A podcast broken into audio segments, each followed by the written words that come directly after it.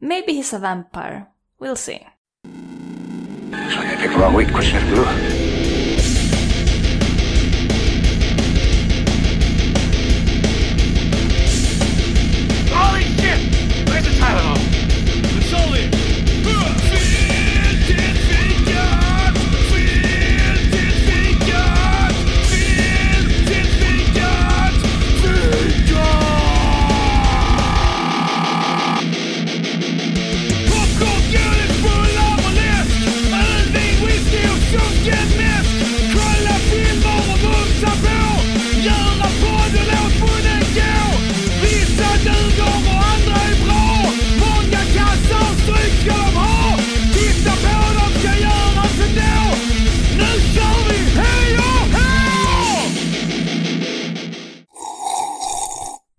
Känsliga lyssnare varnas.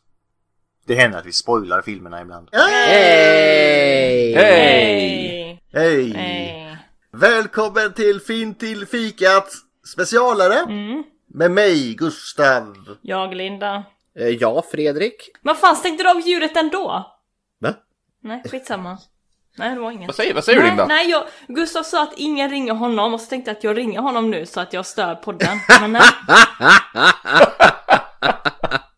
Jag, hör, jag hörde inget, inget ringa Ja, från så busligt. Hon, hon har ringt i alla fall kan jag säga. Förlåt, äh, fortsätt. Men jag, Dennis, är här också. Hej! Dennis är här. Jag hoppar över till den här podden också. För vi har ju, det här är lite specialuppsättning. Mm.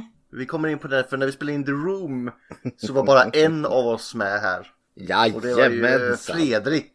Så han, han, han fick vara med idag igen, men vi andra ville ju också vara med och prata Tommy Wiseau.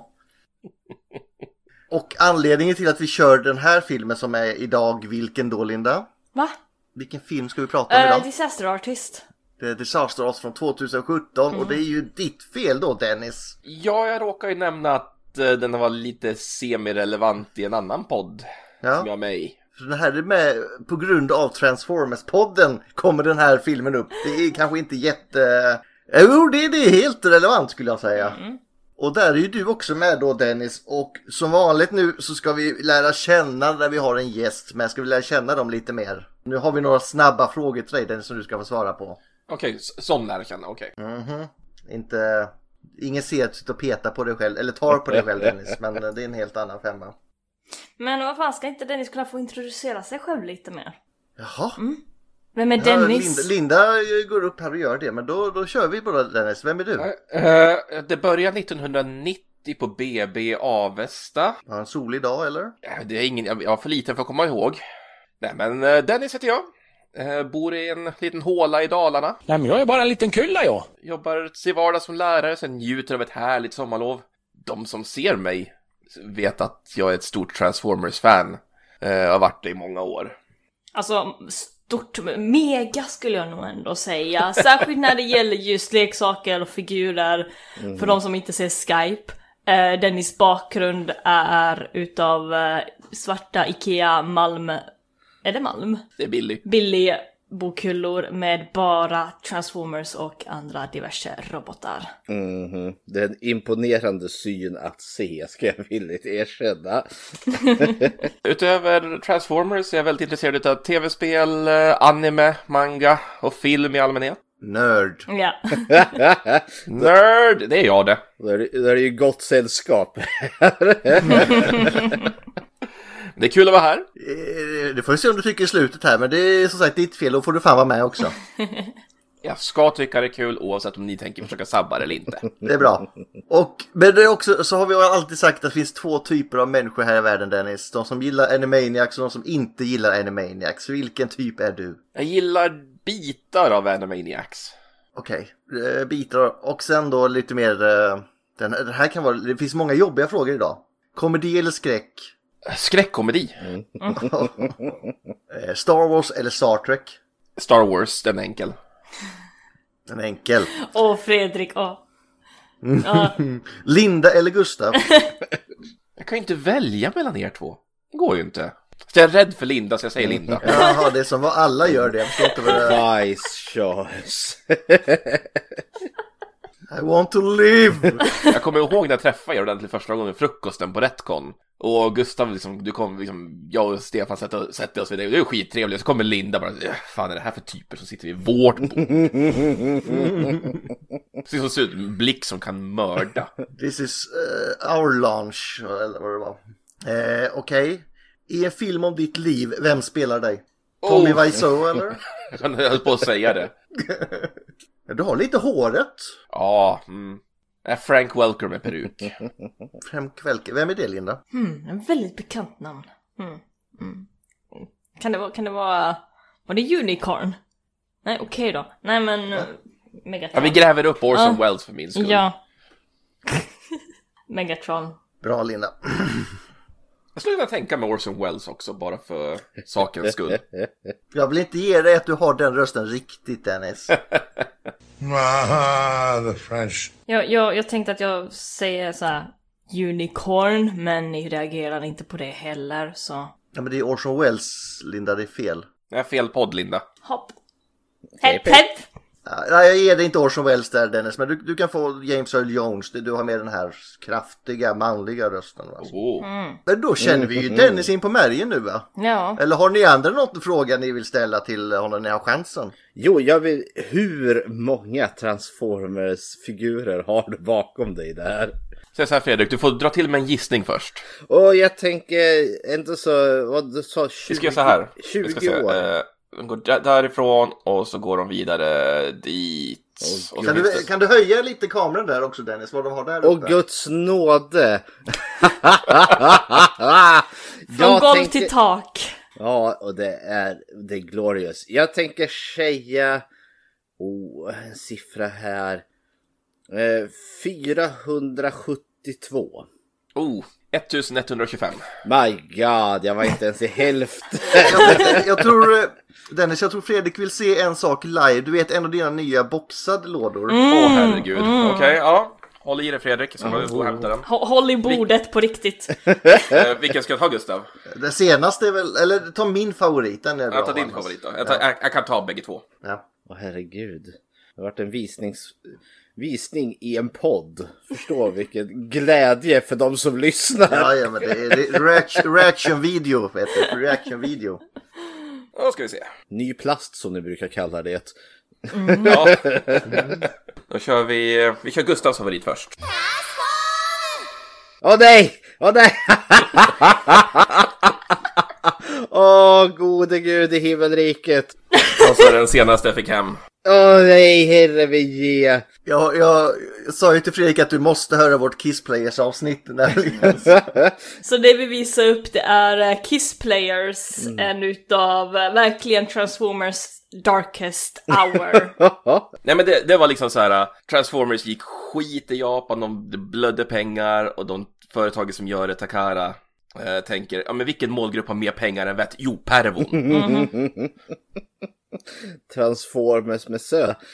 Animiflickor där i skoluniformer. Herre min ja. Jag ska förtydliga att jag köper dem inte för att jag tycker om eh, källmaterial utan för att jag, Right. håll, jag vill hålla dem borta från... eh, Vi läser, det, De vi läser detta för det. storyn Dennis. Så vi hamnar storyn. inte i fängelset, vi räddar faktiskt människor. Take one for the team. Men vi säger det, perverts har ju eh, mycket pengar då, Mm. men det finns det andra som har också och ingen vet varför. Men det kommer vi in på i den Mm. här filmen också.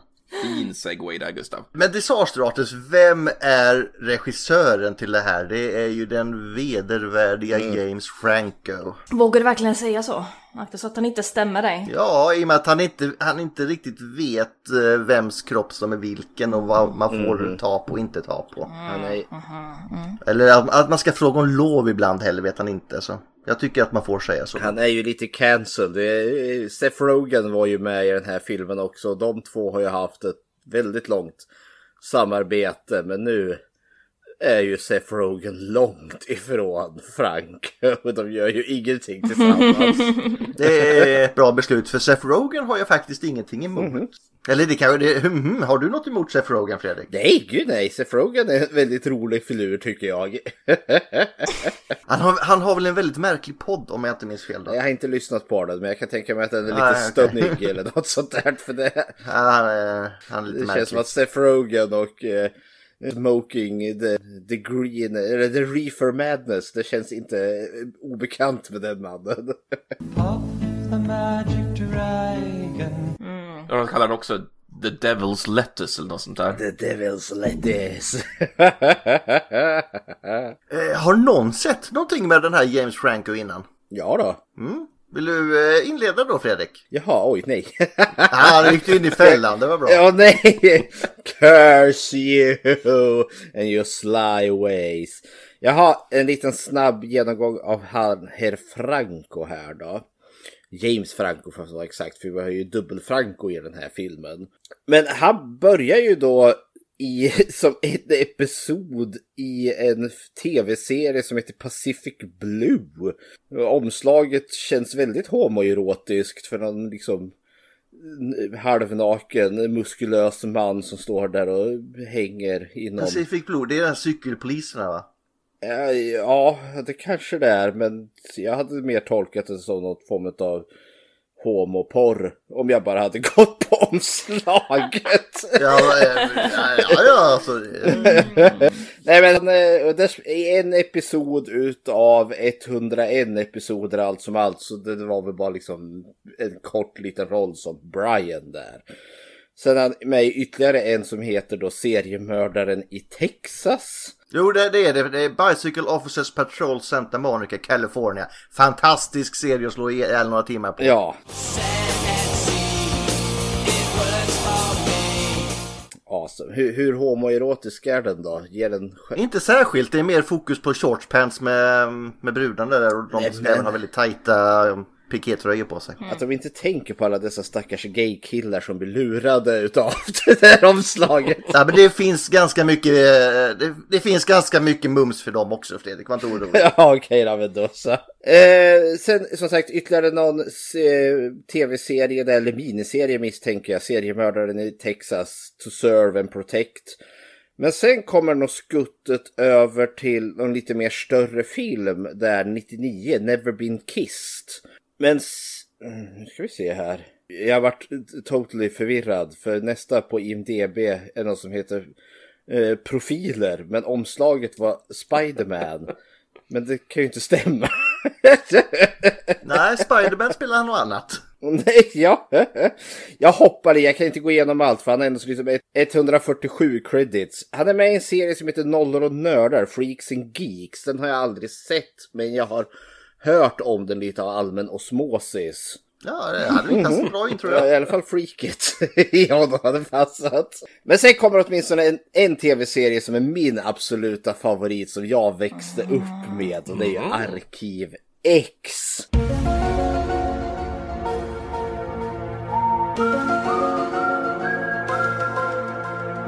Åh, är den bra? Alltså, jag har funderat på att liksom tittat på den men... Ja, alltså dels, jag, jag tänker nog säga att jag har tittat om Arkiv X även långt senare och jag tänker nog säga att det är början av Arkiv X. Utav de 11 säsonger som finns så är ett, säsong 1 till 5 de genuint bra. Sen ballar det ut för och det har väl lite att göra med David Duchovnys liksom skrikande drog och sexmissbruk som var helt okontrollerbart. och sen eh, han, David Duchovny och Gillian Anderson bara börjar hata varandra något så fruktansvärt.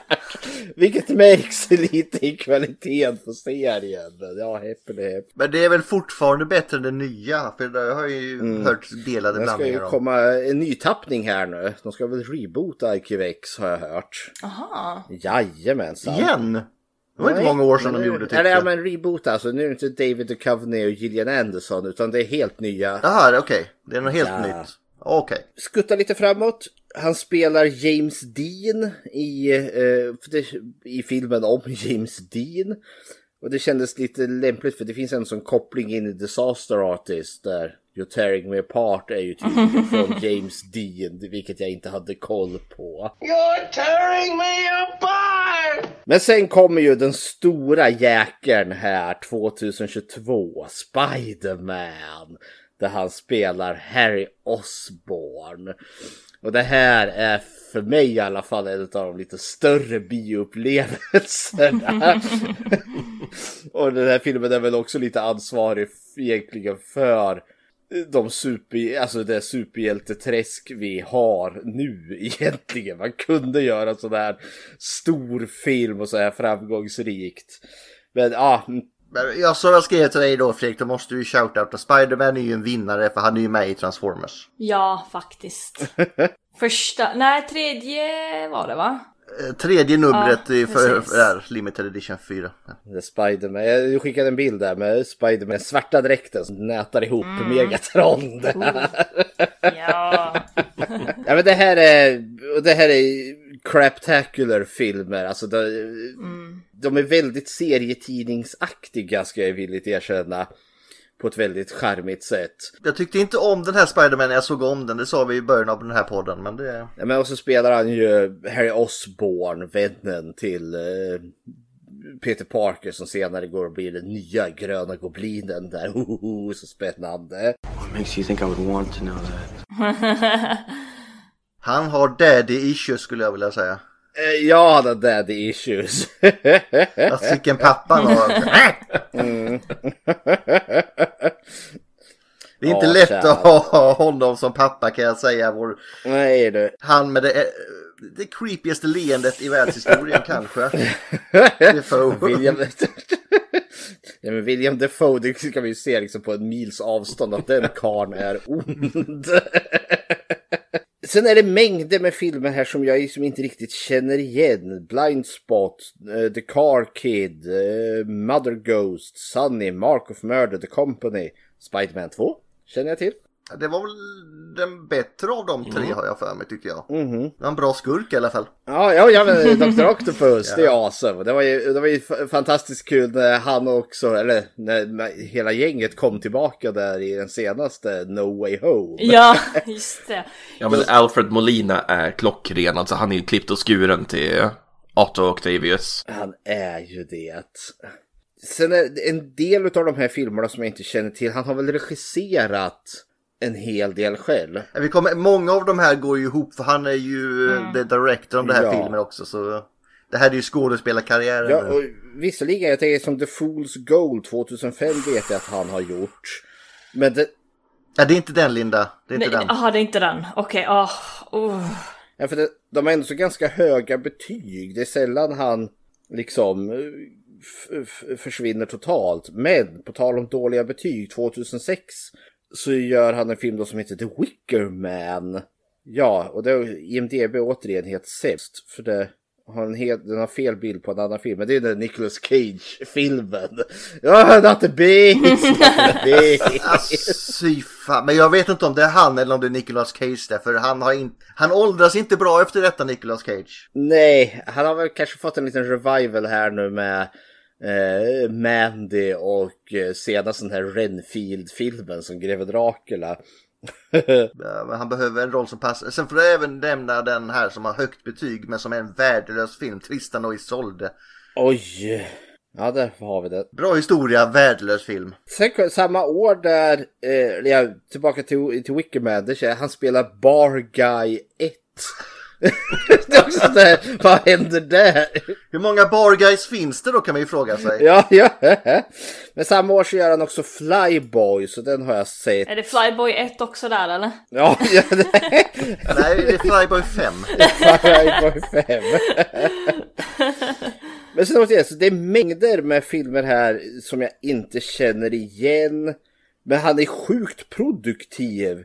Jag menar, jag räknar från, hade ju inga jättestora roller för det mesta. nej men ändå, alltså från 2006 till 2007 så har vi en, två, tre, fyra, fem, sex, sju, åtta, nio, 10, 11, 12, 13, 14, 15, 16, 16 filmer på, på två år.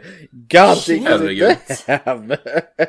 Men det är mycket eh, utfyllnadsfilmer skulle jag dock säga. Förvis. Två av dem är ju Spiderman 2 och den andra är Spiderman 3. Och det... Den, den, den nämner vi Nej. inte. Vi nämner inte Spiderman 3. Den är så fruktansvärt dålig. När han blir, han blir emo. Ja, nu, nu är jag dark Spiderman så jag kammar hårt lite åt sidan. Ja, men det, det har nästan gått att bli cringe, alltså cringe underbart där när han är ute och dansar han är i sin bad persona. Som Linda sa, det här med second hand eh, embarrassment. Ja, se- second hand embarrassment, det, det Det finns ett fan med ord den för filmen det. Men, eh, jag ska säga, för jag vet att det är något tyskt ord. Det heter något speciellt. Um, Flogenskergbeskogen. Tu sais vleugelklemgrendel? va? Eh, Nej, nej. Man skäms på någon annan vägars bekostnad. Ja, vi, vi, vicarious embarrassment. Vicarious embarrassment, awesome! Jag tror det är tyskt, jag minns inte riktigt men ja. vicarious embarrassment, det är liksom andrahands... Vad heter det? Eh, Ja men eh, second hand embarrassment, precis. Ja. Som sagt, under den här perioden när han gör typ 17 filmer så två av dem är väldigt stora. Spiderman 2 och 3. Men sen också 2007 så är han ju med i den här På smällen, Knocked Up. Och det är väl kanske lite viktigt i hans karriär här för det är då jag tror han första gången gör en film tillsammans med Seth Rogen. De är med. Det är så jävla... Och du kanske kan fokusera då på Seth Rogen-filmerna sen här nu. För efter det så kommer ju The, Pineapple Express 2008 där. En väldigt våldsam stoner-komedi. Som kände var lite, för min del lite annorlunda. För jag hade liksom... Han, då var han lite out there. Och jag ska villigt erkänna att innan här så har jag liksom alltid tyckt att Seth Rogen var lite mer laid back i sitt skådespeleri. Men det kan ha varit den där spenaten. Ja, kära någon. Jag hoppar hej vilt här. Jag hugger den här från 2010, 127 timmar. Eh, som jag ändå har sett. Det är ju den här boken, eller baserat på boken om den här mannen som var ute och klättrade i bergen och en stor stenbumling klämde fast hans hand eh, mot bergsväggen och han vart fast där i 127 timmar innan han slutligen hugger av sin egen hand för att ta sig därifrån. I want to break free. I want to break free. Det som är, vad heter det, det som, det, det är väl något som har hänt på riktigt va? Jajamensan. Och det var ju så han överlevde stackaren. Sen gjorde han The Green Hornet eh, året efter och det är också med Seth Rogen. Eh, Your Highness är väl inte Seth Rogen men det är väl en stoner-komedi fast i typ Dungeons and Dragons format. Han var med i The Planet of the Apes Revolution. Är det den första i den nya trilogin? Det kanske den andra, jag vet inte riktigt. Rise of the Planets of the Apes. eh, eh, jag kommer inte ihåg. Sen är det återigen en hel kavalkad utav filmer jag inte känner till. Typ tio stycken innan vi kommer till en som jag faktiskt känner till. Eh, Och det är ju då As the Great and Powerful från 2013 där Disneys live-variation utav Trollkarlen från Oz. Den behövde ingen ny. Nej. Och det här är väl origin-storyn till Trollkaren hur han kommer till Oz. Och jag fann den sådär. Samma år kom ytterligare en ny Seth Rogen-film och det är This is the end. Apokalypsen uppstår i, i Hollywood. Där liksom kändisarna spelar sig själva. Och den, den här ska jag faktiskt villigt erkänna jag tyckte var lite rolig. Eh, Rihanna ramlar ner i helvetet i den filmen. Finns det inte andra i Hollywood som skulle ramla ner före henne? Jo då, det gör det nog, men hon står på fel plats. Hon står bokstavligen liksom där the mouth to hell öppnar sig. Ah. Så vad far iväg. Men de blåser kuken av Satan i slutet. Så det var väl alltid något. Kära värld.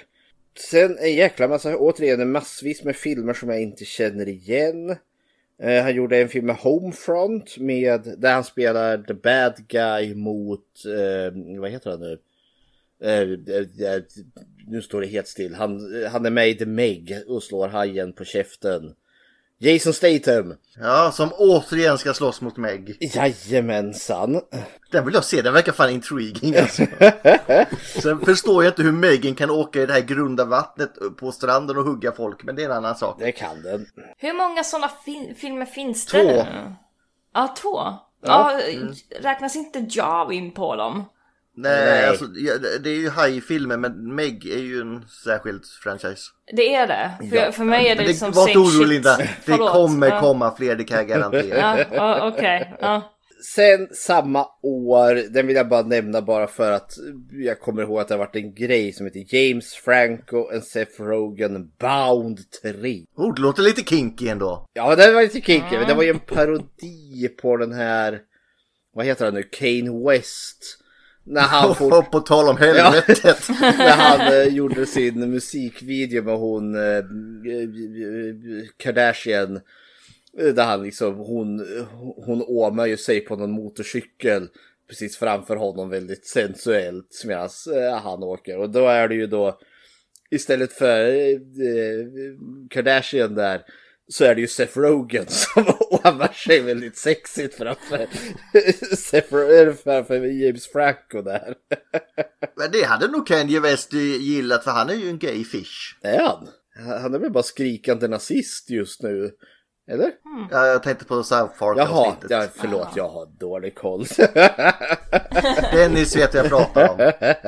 Nej, ja. Va? ingen koll. Nej men för helvete! Ah, ja. Ni lyssnare, någon vet vad jag pratar om. Helt säkert. The fish stick joke. You like fish sticks?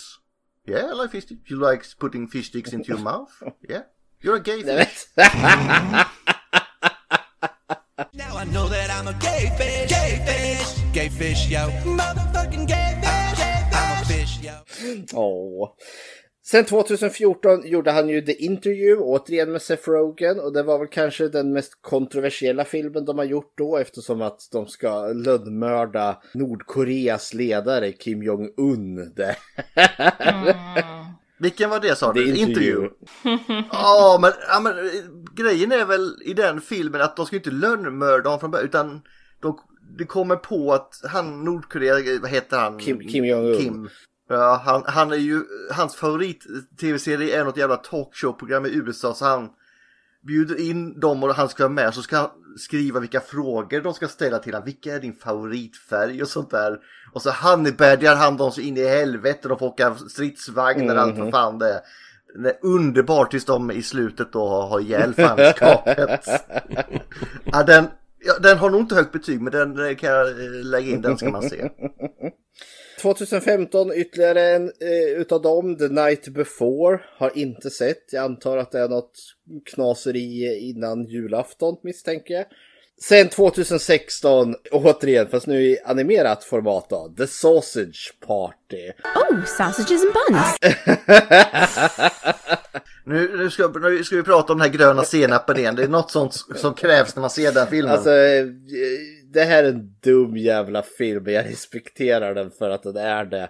Och jag vet, jag skulle vilja vara en fluga på väggen när den här liksom väl hade premiär och över hur många mammisar och pappisar som tog sina barn till att se den nya animerade filmen helt jävla ovetande som att det här är en riktig jävla raunchy sexkomedi. Väldigt Förstår jag inte när korven hoppar in i bröden där. Och...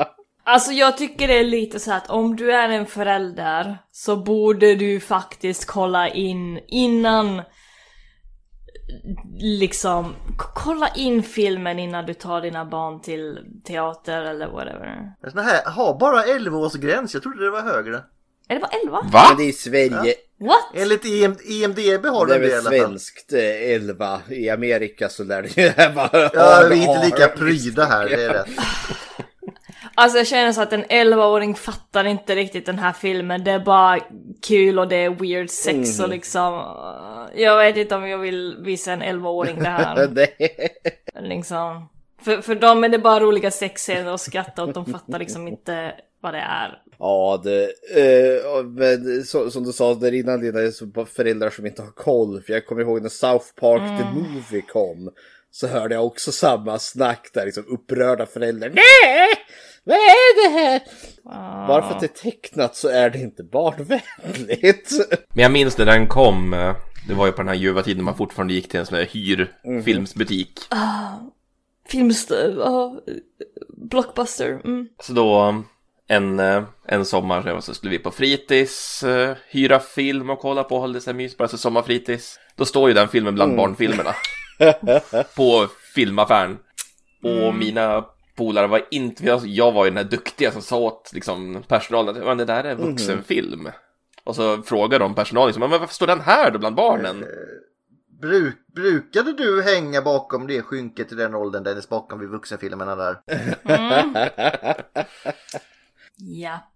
Eh, men personalen sa ju det, ja men det är ju tecknat. Ja, då har man inte koll. Jag kände liksom att ni borde ju ha lite koll om några. Ja, eller hur? Alltså jag det, var, det var att, väldigt tidigt för de där. Det var inte så vanligt i Sverige med Mm. konstiga tecknade filmer. men jag känner också att liksom om du jobbar in i en affär, då har du koll på stuff. Det du säljer, om du jobbar i en mataffär så har du koll på matvarorna så att de inte blir gamla till exempel. Om du jobbar i en filmbutik eller där man hyr ut filmer så håller du koll på vad det är för filmer. Du liksom...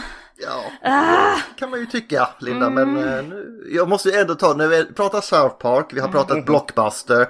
Och vi har pratat Shining och sånt där innan. De har gjort en fantastisk episod när Blockbuster har ju gått under. Eh, Stan pappa där har köpt upp den för typ 10 dollar. För, oh, från Blockbusters, ja. Och så är ju hela stället haunted och alla ingår förbi för det är läskigt där och det är gammalt. Och han blir ju den här personen i The Shining så han springer runt där. Stanny boy! Stan? Daddy wants to have a little talk, Stan.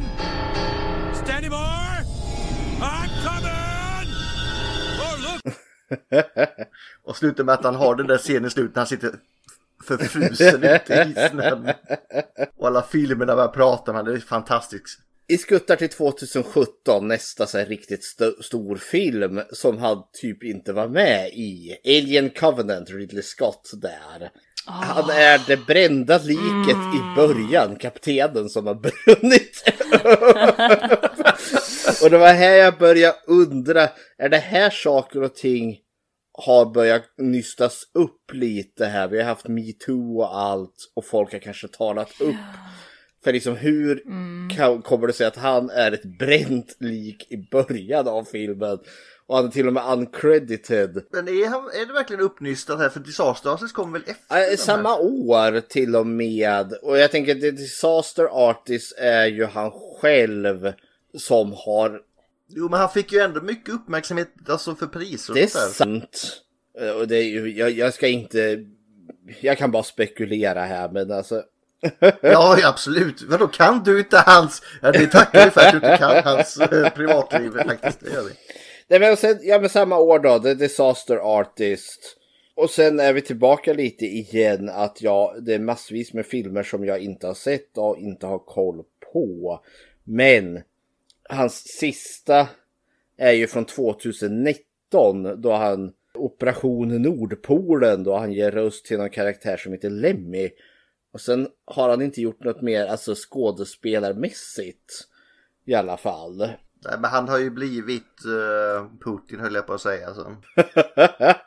Det är väl en sån person man inte kan ta i med tång. Nej, han har, han har ju dock, han verkar spela huvudrollen i en, i en film som heter The Prince of Money, A Largo Winch Adventure som kommer nästa år som ännu inte har kommit ut. Så han, han är nog tillbaka i skådespelartakterna igen. Men jag tror när han, han placerade sig bakom kameran eh, en längre period här. Men nu ska han väl fram, bak, fram, framför den igen. Heppeli hepp. Jaha, det vart eh, James Franco. Det blev en, en double idag, både regissör och skådespelare i ett. Jag tycker Seth Rogen förtjänar ett bättre avsnitt än det här. Eh, En bättre roll om man säger som så. Utan att han, liksom, han kanske har en lite större roll. Eh, Han spelar ju, vad heter han som ska vara Han är ju inte director, vad fan är han? Organizer, manus... Assistant director. Organizer, alltså, ja. Fy fan och vad det till Tommy Wiseau. Något mer eller ska vi gå in på själva filmen hörni? Nej, vi tar filmen eller? Vi kör, vi kör på med filmen. Ja. Vi kör filmen, det kan ta oss nu för jag känner det kommer det blir inhopp här. En grej som jag kanske, kanske kan nämna att jag och Är det- Dennis... är det varningar här, eller vad nej, är det? Nej, nej, nej. Jag och Dennis, vi har ju inte sett The Room. Var Nej. Det ju. Ja. Men Gustav och Fredrik, ni har sett Jajamän. filmen. Mm. Dennis, hur var det för dig att se den här filmen när du inte har sett The Room? Men alltså, jag har sett så många klipp från The Room ur sin Så du har kontext. egentligen sett den då kan man säga. egentligen. Och sen har man ju hört alla stories. Alltså det, jag har ju alltid varit fascinerad liksom, av hur den här filmen, liksom, hur kan den ens liksom, skapas? Vem betalar det här? Det får vi veta. Nej, det får vi inte. Jo, vi får veta vem som betalar, men var han får sina pengar Vem ifrån. som skriver på checken får vi veta. Det får vi göra. Sen så undrar jag också, har, Gustav eller Fredrik, har ni sett den här när den kom ut på bio? Nej, jag såg den Nej, nu nej. För, för den här inspelningen. Alltså The Disaster Artist och The Room har jag också sett eh, på min egen kammare här sedan långt, långt, långt senare. Efter eh, jag hörde så talats om det. det. Det var nästan lite samma som dig Dennis. Jag kände nästan att jag redan hade sett The Room innan jag såg The Room. Men det där som är det märkliga med The Room är ju att det är en film som man måste se eller bör se med en ensemble människor. Och så helst, eh, så fort han säger någonting så tar man en shot. Ja, nej men för, inför eh, till Film till fikat-podden då satt jag ju ensam på min kammare och kollade på The Room. Och det är en miserabel upplevelse för det är väldigt mycket i den filmen där det inte händer någonting. Det är enorma jävla långa stretches utav bara padding och folk går omkring och det händer ingenting. För man, allt som oftast är det ju de här You're tearing me apart och Hi Mark, liksom alla de här helt bonkers vilda. Men man glömmer bort allt det här jävla trista möget som finns emellan. ja, ja, kära värld. Men det verkar nog som att vi alla har liksom Alltså jag, jag har inte heller sett den men det känns som att jag har sett den och sånt där. Och vi har ju haft den på Film till fikat och jag har ändå inte sett den här filmen. Jag var inte med på inspelningen. Men du är inte för sent än Linda, de visade den lite då och då på bioupplevelser. Den hade man ju faktiskt velat gå på. Alltså där hade jag nog kanske ändå varit med för det, det känns som att om man kollar på The Room i bion för det första vet man att det kommer inte vara fucking unga där som förstör bioupplevelsen utan det kommer dit människor som faktiskt vill se filmer. Alltså du investerar i den här filmen när du ser den. Så det känns ändå som att det är en det är en film som är så dålig så att den blir bra. Den är ju liksom the poster boy för så dåligt så det blir bra filmer.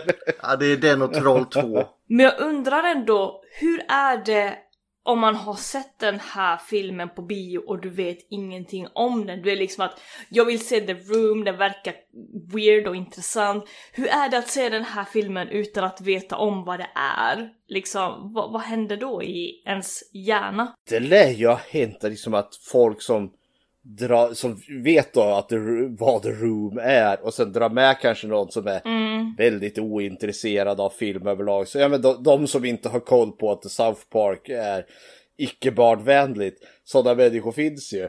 Så där måste jag dra med någon sån och sätta sig ner och titta på The Room. Herre min det måste ju vara det största practical joke man kan göra. Ja, precis. Det, och allt ska ju filmas i sånt selfie-cam också på båda. Ah, ja, och det är också liksom att de har lagt liksom, det, nej men det, det, det jag tänkte säga att det, det finns de människorna som säkert gick ut ur biosalongen och bara vad fan är det här för trash? Sen så är det liksom människor som vi som bara är det mer bakom den här filmen jag borde veta om? För det, det, liksom, det är inte normalt.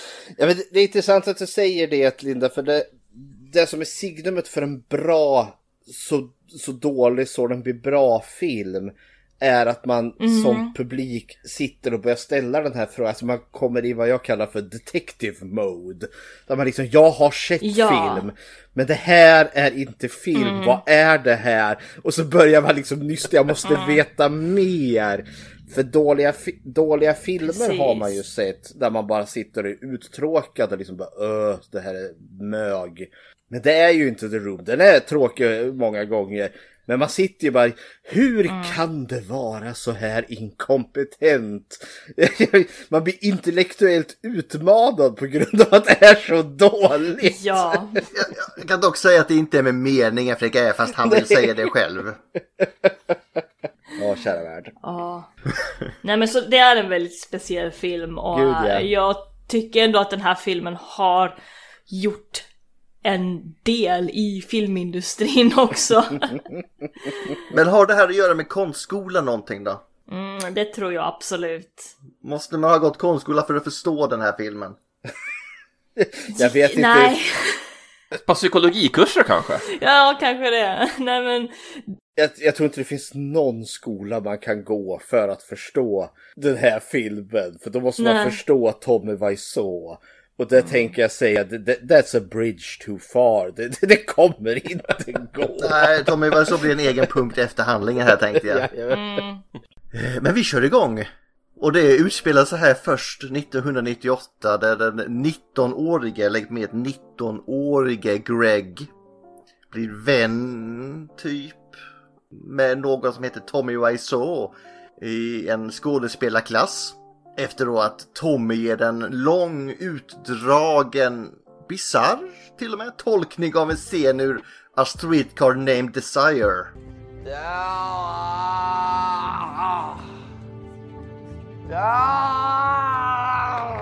Stella! Där han klättrar runt på väggar och skriker och alla är först lite så intrigued för att det är så jävla out of the this world och sen blir det bara jobbigt och jag vet inte vad men Greg är imponerad av Tommys eh, vad ska man kalla det, oräddhet. jag skulle säga han är, han är intrigued by hans no shit given. För han själv är ju... Han är ju så otroligt hämmad. Han säger ju det själv också för att han, han är rädd att folk ska skratta åt han. Och han blir ju shamead då utav hon eh, läraren som håller det här liksom. Du vill bli skådespelare. Ja men det kan jag inte se, det kan jag inte förstå. Vill du ens vara här? Ja, eh, och då kan jag ju tänka mig just för att vara så liksom lej och så otroligt liksom fast i min egen lilla bubbla. Den här liksom, jag är så rädd. Och så kommer Tommy Wiseau där och bara freak out på ett sätt. Så jag tror, jag tror han är mer dragen av det för skådespelartalangen finns ju inte där. Men han har ju ingen gräns denna Tommy. Men eh, Bara en snabb fråga bara. Har någon utav er gått någon sån här ehm, kurs eller utbildning för scenografi eller något sånt där? eh, jag gick scenisk gestaltning men det var gymnasiet så jag tror inte det räknas det. Ja.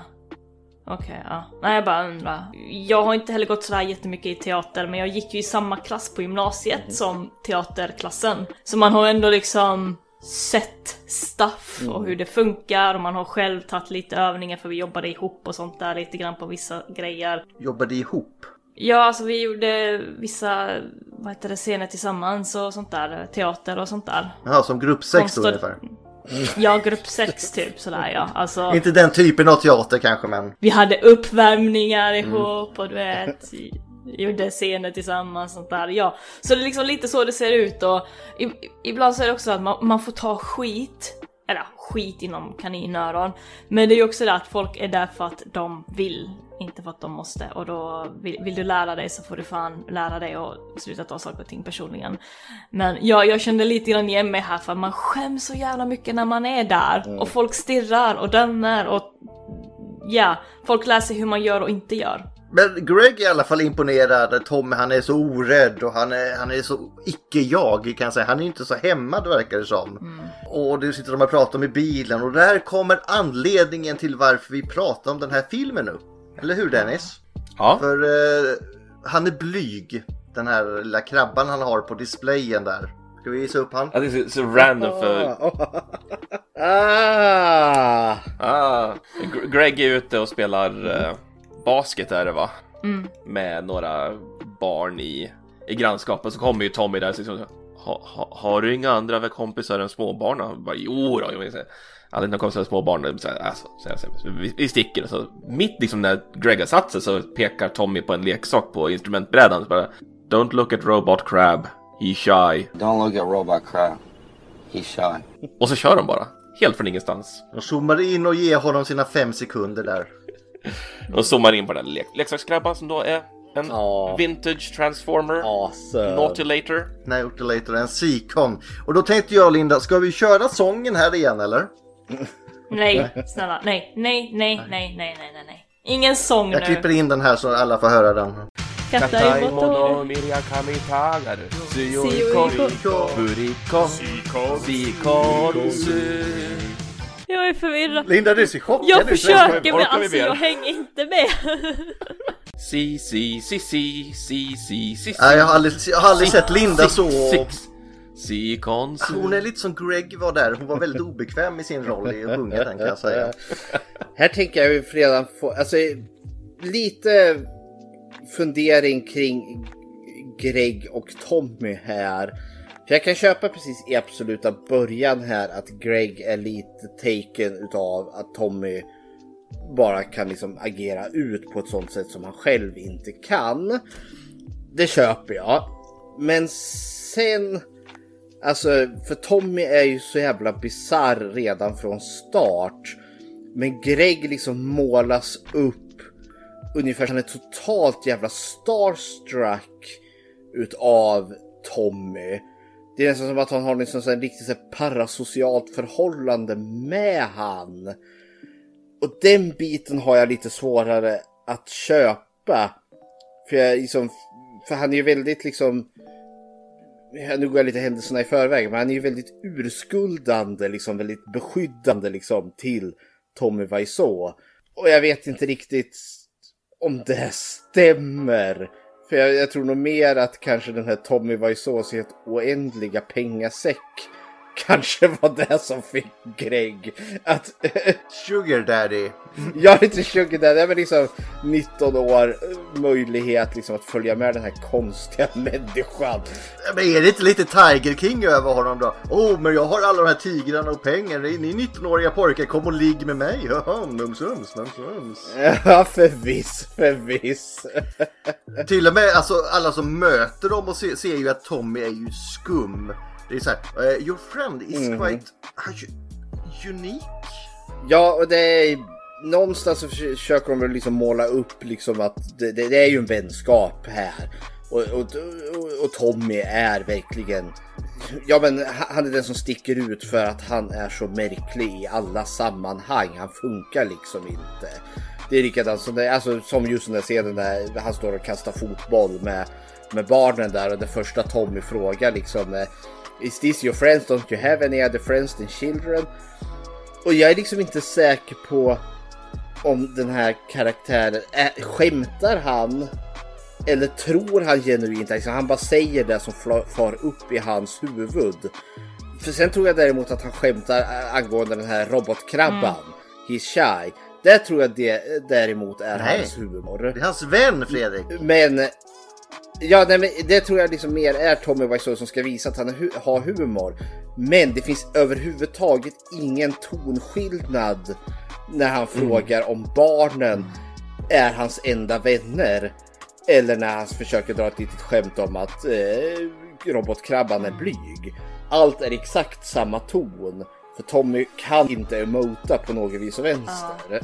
Det känns nästan som att han har någon sorts av diagnos och någon har sagt till honom att det, det är som att han har läst en bok om hur är du en människa?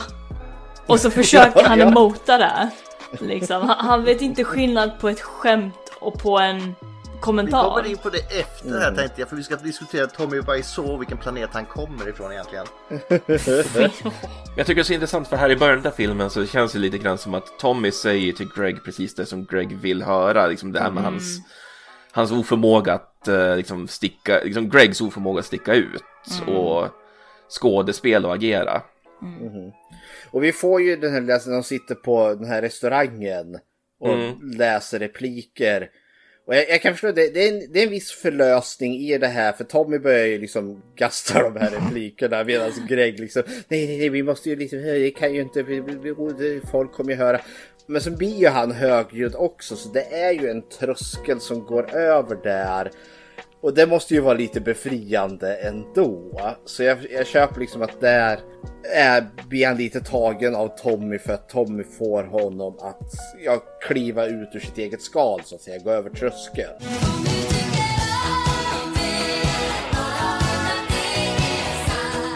Kan jag köpa men det är också highly disrespectful mot alla andra i det där eh, kaféet eller vad det är för något. ja. Alltså den, den scenen är smärtsam att se som svensk. Ja, men, ja, vad var det? Second hand embarrassment. Så, så du pratade om Linda, för det var, jag var tvungen att pausa den här filmen flera gånger. För att jag satt liksom, åh nej, åh. Och jag, jag, jag, jag går sönder snart, det här är för jobbigt. Jag, jag kände precis detsamma. Jag, jag ville inte stoppa för jag ville bara liksom få det överstök... Jag ville bara få det överstökat. Men liksom verkligen att jag bara nästan var, alltså jag var tvungen att titta ifrån, jag var tvungen att gå ifrån skärmen och bara... Uh, ah, det, det känns liksom som att man vill bara kliva ut ur skinnet. Eh, I alla fall Tommy de har, Så har kastat lite uh, the pigskin around, alltså de har kastat fotboll, även fast Tommy vet jag inte om han kastar fotboll, jag vet inte vad han håller på med när han gör. Nu är det amerikansk fotboll också. Ja, alltså han är eh, väldigt dåligt. Han kastar inte som tjej utan som något från en annan planet. Alltså han har ju inte, vad heter det, alltså koreografin för att kunna kasta boll känns det som. Hans kropp vill inte gå med Det på är det. mycket hans kropp, vet vi kommer in på det också efteråt. Det är något fel. Men i alla fall, eh, Tom är här och Greg är ju vänner eller vad man ska kalla det. Eh, För att Greg går igång på hans ovanliga vanor och manér och han är, eh, så kommer in på det här Sugar Daddy för han får ju reda på att Tom har ju exempelvis råd med lägenheter i både San Francisco och Los Angeles. Eh, Inte jättebilligt skulle jag säga. Eh, Men eh, han får ju också reda på att Tommy kommer inte diskutera med honom pers- hans personliga liv eller som Tommy själv säger, hans källan till hans rikedom. Eh, Han är, också, han är också väldigt hemlig över hans ålder. Vilket kommer bli en poäng sen. Det finns tre poänger max i den här filmen. Är, eh, men de, de tar vi också i slutet. Och trots, nu kommer nästa här, sin eh, uttalade, alltså det är en östeuropeisk accent eller dialekt han har. Inget snack om saken, men Tommy insisterar på att han är från New Orleans. Eh, det- det- det- det- det Great Easy. Eh, Ingen hör ju vad man säger till... Nej. Och det gör knappt jag höll jag på att säga. Ja, han mumlar ju så himla mycket. Och det kan göra det lite svårt nu för nu ska ju båda inleda sina skådespelarkarriär nu. För Tommy säger att nu ska vi leva ut vår dröm här Greg. Och Greg bara ja jag betalar min pizza för fy fan vad de äter skräpmat. Jag har ju lite, jag skrev upp det för jag tänkte det här är en sån nyckel. Eh, lite i början här när de väl träffas och de, de sitter ju och tittar lite på James Dean. Vi får den där, gör tävling med part. Ja Tommy är fan- fascinerad där. Ja, men där säger ju Tommy Wiseau eh, vid något tillfälle när de sitter, han, han pratar någonting om en olycka som har skett. De får lite heart to heart. Men i, i sambandet där när de sitter där och pratar lite, han nämner den här olyckan, vad den nu kan ha varit, för han är väldigt otydlig där. Men där säger han ju också I had no friend to do it with before. Eh, alltså, ja, det här är ju när flytten till Las Vegas. Och jag, jag fastnade just lite på det här I had no friend before. Och det, det tror jag liksom blir den här början på den här märkliga vänskapen som inte är så kanske konstruktiv många gånger. Men jag tänker att en person som Tommy Wiseau har, har väldigt svårt att kanske knyta nära kontakter innan hans berömmelse med eh, The Room. För att han är en sån märklig människa överlag. Hepp. Det känns ju också som att han är en människa som han, han har svårt att knyta de här banden till att börja med, men sen har han ännu svårare kanske att bibehålla Jag dem. tänker själv för visst, här i början får jag lite sympatier för honom för just ha- han vill bli skådespelare är ju det här ufot så det kommer ju inte gå. Så visst, jag känner ju för han. Men samtidigt blir jag, blir också drabbad av mitt eget hyckleri för jag känner liksom, oh jag vill ju han väl, men jag skulle aldrig vilja umgås med han. För jag skulle, han, han skulle kväva det skapet för han är en sån märklig människa. Jag skulle bara vara obekväm i hans närvaro. Tearing me apart Tommy! Har vi kommit till den här scenen där han är i den här Nej. restaurangen och träffar? Nej, okej. Vi kommer väl här nu tror Ja. jag. Ja. För nu skriver ju, nu håller de på, jo vi har nog varit på restaurangen här för då, Mm. han ska hjälpa Greg att komma ur sitt skal och inte vara så blyg och bry sig om vad andra tänker, tänker väl Tommy. Så han tvingar honom att spela ut den här scenen på restaurangen, eller var det den du menar Linda? Nej, jag tänkte på den när han, eh, när han träffar den här eh, re- regissören. Nej, nej, dit är det en bit kvar. Ja, det är det va? Mm. För fortsätt. Greg har i alla fall, nu ska de iväg och göra sina auditions här och Greg skriver direkt på för någon talangagent här som heter Iris Burton för han, Spelad av Sharon Stone. hon tycker väl han ser söt ut eller något ser det ut som. Mhm. Mm. Baby! Men hon knyter ju upp honom där nu så nu är han fast. Mm, och det verkar ju gå bra här för Greg hittills i alla fall. Och samtidigt så går det inte lika bra för Tommy för han visar upp sina foton, de är inte lika imponerande. Och han har lite svårt att komma överens med dem han gör auditions hos eller de som ska lära honom eller de som är producenter. Alla som möter honom har lite svårt att förstå honom. Han har ju för- svårt att förstå alla andra också. Både hur han agerar och hur han pratar och allting.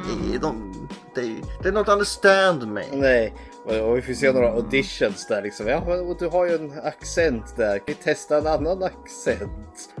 Okej.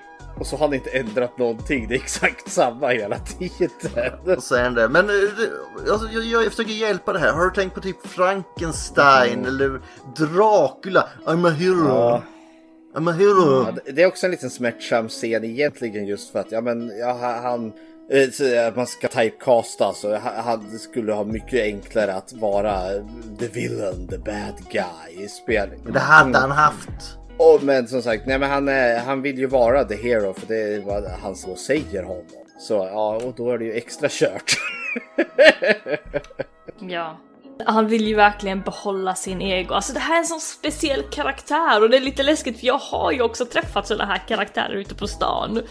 Eller ja, ute i vänskapskretsen också. Men den här karaktären är liksom allt utav de här människorna. De som har ego, de som inte förstår, de som inte lyssnar på alla andra men tror att alla andra inte lyssnar på dem. Så han är liksom verkligen hela jävla saltkvarnet. Alltså han, han är en stor vandrande röd flagga. Ja! Danger, Will Robinson! Danger! No, Will Robinson! Danger! Och här kommer några lite jobbiga scener ändå när liksom det går upp för honom typ att "Ah, fan, det är något som inte stämmer. Alla jobbar säkert emot mig, så är det ju såklart. Och samtidigt har även Gregs auditions börjat torka ut här för eh, han är ingen jättebra skådespelare. och, och det gör, vi kan bara ta här Fredrik också, hans frustration med Tommy nu gör det inte lättare heller. De, de går lite varandra på nerverna och Tommy då, det är nu han har den här restaurangscenen Linda om du ville ta den. Ja, alltså han träffar ju på en eh, regissör, jag kommer inte ihåg vem det var. Uh, minns ni namnet på den här regissören? Nej. Det, Nej men han är en heavy hitter i alla fall. ja, en heavy hitter i alla fall. Och våran karaktär, han förstår ju inte eh, social boundaries. Så han bara går ju in och bara ah, det är du, jag är den största fan, du, jag, jag ska bara gå i, alltså det, nu bullshittar jag inte, jag, ska, jag kan det här, jag är bra på det här, jag är, jag är en actress liksom. Den här snubben försöker ju ge honom den här chansen liksom bara du, det, det enda du kan göra det är att gå till ehm, min, ehm, vad heter det? Mm, Agent. agent och ta kontakt med min agent så kan vi se vad vi kan göra. För du tror kanske inte att det är lämpligt att gå fram till mig när jag sitter här på kvällen på restaurang. Det, det är inget bra tillfälle förstår du. Så ring min agent så kanske vi kan prata. Precis, men han fattar ju inte det att det finns liksom trappsteg du måste ta innan du kommer till våning ett, om man säger så. Så han fuckar ju upp det här och då förlorar han ju hela sin essens bara av att han fick ett nej. Han skriker ut någon Shakespeare-monolog väldigt dåligt. To be or not to be? That is the question. Whether noble or in mind to suffer, sling an arrow. Sir, I'm gonna sling- ask you to stop that. Två stycken till och med, han skriker ju bara. Han, han avslutar ju med Stella och det är då han slår nävbordet och krossar glaset där av misstag. Och det är då security! Och regissör eller han direktorn då så Bra jobbat hörni, ni lät honom komma igenom två Shakespeare-pjäser eh, innan ni kom och tog ut honom.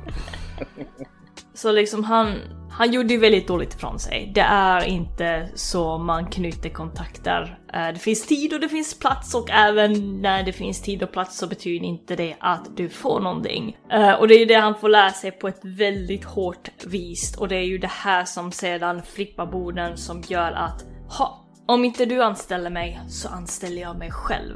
Ja men det, det är det han säger med Greg, får ju inte heller audition så Nej men då, då gör vi vår egen film. I have a dream! I have a dream. Och det, det är jättebra tänkt alltså, shit liksom. Jag som konstnär, jag har varit i precis samma situation höll jag på att säga, förutom att jag inte är ett stort ego på det sättet. Jag kan respektera det han gör här. Han har en dröm och han vill göra Ja. den till verklighet. Det har jag absolut all Ja. Mm. respekt för. Sen eh, blir det kanske inte riktigt bra ändå. Här. Vad skulle du säga Fredrik? Nu har du suttit och velat komma in ett tag här. Jag vill bara nämna lite, vi har ju också, han har ju, Greg har ju träffat den här bar eh, Amber här också.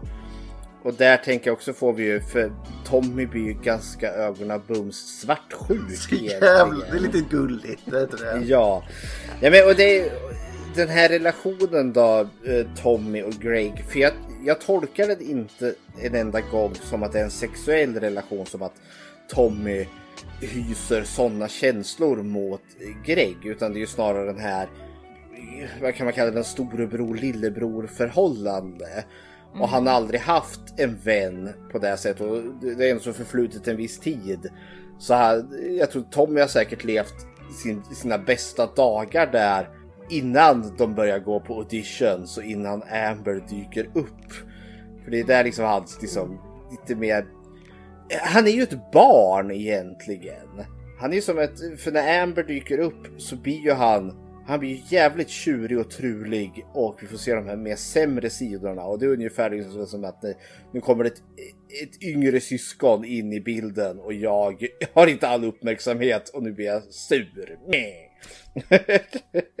ja men det är det verkligen. Ja, och han verkar också dra lögner från ingenstans. Han känner ju efter den här misslyckade audition med regissören så dundrar han ju hem och då sitter ju Greg och Amber där hemma. Och han är ju kränkt och arg. Och säger men han, eh, han, har en, eh, han ska gå på teaterskola och han ska bli lärd av Stanislavski. Det är liksom den stora erkända. Problemet är ju bara att Isn't he dead? Ja.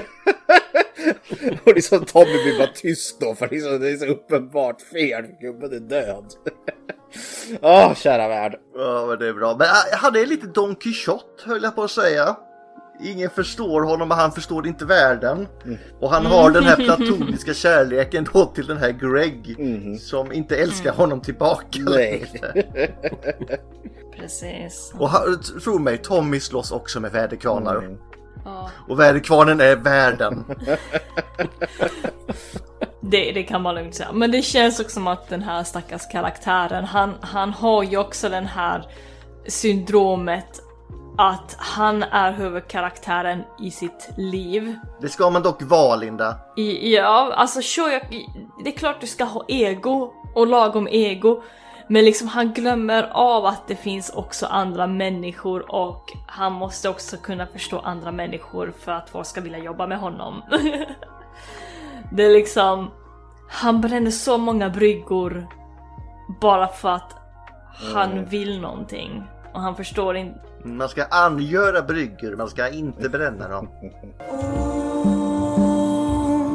Ni fantastiska män som vet hur man angör en brygga Och han är också så här så att allt som inte är ett rungande ja, det ser ju han som ett klart nej och att alla är emot han.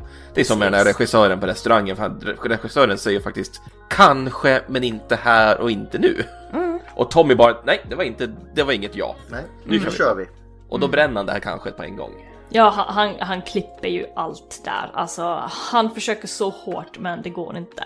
Och, och det är också med det här smärtsamma att han ser ju, han förstår ju inte att han är det här ufot.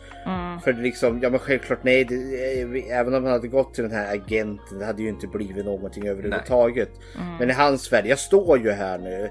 Du är ju den stora regissör, jag är ju den stora skådespelaren, alltså anställ mig direkt.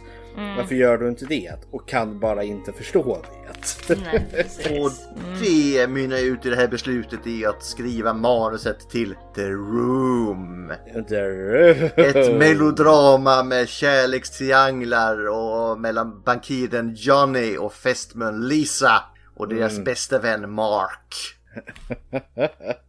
Åh, hej Mark. Hi Mark. Hi, Mark. Och den ser, alltså, men jag tycker ändå den är lite vacker när han sitter och skriver detta. jag, jag, jag, kan, jag kan se mig in att det här är något han verkligen tycker om att göra. Ja, men så, så här långt in har vi ju liksom ändå så den här, den här upplyftande berättelsen om liksom the underdog. Och, liksom, och nu, nu gör vi vår egen film. Han sitter och gör research. Och liksom, det är nu liksom det ska bli. Ja, men jag, jag har sett de här typerna av filmer förr. Liksom, liksom, den som ingen trodde på. Det fotbollslaget som bestod av klantarslen och eh, freaks out. Och sen blir de det super fotbollslaget i slutet där. Det är ju inte riktigt den vägen den här filmen kommer gå. Och det märker man ju när han sitter och skriver och så sitter han så här, Maybe Johnny is vampire. Just. And also, maybe Johnny is vampire. We'll ska vara från ingenstans. Liksom. Okej, vi slänger in lite vampyrer också. Nej, man ska, man ska bolla idéer, men kanske inte med sig själv och inte om vampyrer i ett sånt här drama. Eh, sitter han där och äter sina nudlar till och sitter och läser vad han har skrivit och han är så hög på sig själv den mannen så. Och sina idéer. Det är ju verkligen det att han, han skriver ett manus ut, utan att veta hur världen fungerar. Det är ju där Vampire kommer in. Han har hört det någonstans och så sållar han det i huvudet. Och så kanske vampyr också. Och han vet inte hur världen funkar och det kommer in för ingen i världen pratar på det här sättet som de gör i The Room. De monologerna och de dialogerna finns inte. Ingen säger sådana saker. Och han tar liksom inte ens en kurs i det. Han bara, nu ska jag skriva för att jag vill göra någonting. Alltså A for effort, verkligen. Liksom 10 poäng för effort. Men manuset är skrivet och nu måste vi Ja. sätta igång med filmen här och hyra produktionsyta och material. Och kameror. Ja, och då säger de att eh, men eh, de flesta hyr så det, det är okej. Vi- Eh, nej men jag vill köpa utrustningen, det är, det är så man gör. Vi, vi köper den, det är svindyrt Tommy. Ja, men vi, vi, vi köper den och de bara säger har du pengarna så fine. Det spelar ingen roll för oss liksom. Det är bara bra för oss Ja. höll jag på att säga. Ska ni ha 35 mm eller digital? Both? Both. Both. Both is good. Både och Fredrik. Vi kommer filma den här i både 35 mm och i HD. Bara, men de, då behövs det dubbelt så mycket personal. Och vi betalar. Det kommer, nu kommer det fram här, var kommer de här pengarna ifrån? För han har ju uppenbarligen dem. Ja, Nu är det dags att anställa lite personal här också. Och de har lite auditions som är väldigt awkward. Oj, ja. Linda, du ser lidande ut. Åh, det är också så mycket second hand embarrassment. Okej, men, eh, du äter en glass, okej? Kan, du, kan du visa hur du äter den? Oh, det rinner överallt. Kan du, kan du visa hur du gör då? Och han bara, är det här en riktig film? Bara, Ja men det är klart det, you're hired. Alltså, vi, vi, gör, vi gör inte porr, va? Och då blir det också så här för att så fort hon säger så här I just want to be in a movie. Då blir jag så här, ja men du, du är med. Ja, precis, liksom man bara, Do it like Shakespeare, but sexy. alltså verkligen noll koll på hur man vet om en människa är bra till filmen eller inte. Alltså, åh, hjälp mig. Och här tänker jag också att vi får en liten inblick till när Tommy är säkert bra på någonting, men att leda folk, alltså vi, vi får en liten början till hint över det, över den tyrann han egentligen kommer att bli sen. För att ja, någonstans så tror jag han tycker det här är jätteroligt. Han får ju folk att göra saker och ting.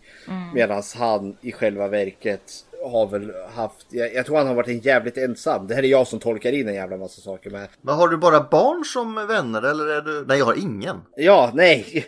Ja, men hade vet, och nu har han plötsligt folk runt omkring sig. Väldigt mycket folk. Och han har också kanske insett att eh, med hjälp av de pengar han har så kan han få folk runt omkring sig. Vilket han aldrig har tänkt på tidigare. Likaså, det är ju Greg som för upp tanken att de ska göra en film. Det har liksom inte passerat Tommy Wiseaus huvud innan. Men nu så ja. Och sen är det ju det, bara själva processen att göra en film har jag ju förstått. Eh, vad, heter han? James Rolfe, the angry Nintendo-nörd. Ja, just det. Mm. Han gjorde ju en lång film och han beskrev lite sen hur det var att göra en film och det var ungefär, han beskrev det som att ja men det är ungefär som att du tror att du ska sälja glass ur en liten kiosk. Men det visar sig att du har ansvaret inte bara för att sälja glassen men också att producera glassen, tillverka glassen, leverera glassen och liksom ta hand om alla som arbetar på glassfabriken. Det är ett sånt in i helvete stort projekt än vad man tror att det är. Det är därför det är ju väldigt viktigt att liksom just anställa rätt människor. Att om inte du vet hur man producerar glass, då måste du ju anställa någon som vet hur man producerar glass som gör det åt dig. Och det är extremt dyrt att ha en sån människa överallt. Inte bara någon som producerar glass men också någon som kan leverera glassen åt dig. Ja, men jag tror det spenatsmak kommer slå. Precis. Och sen också att du måste ju testa glassen också. Är det här gott kommer alla andra också tycka om det.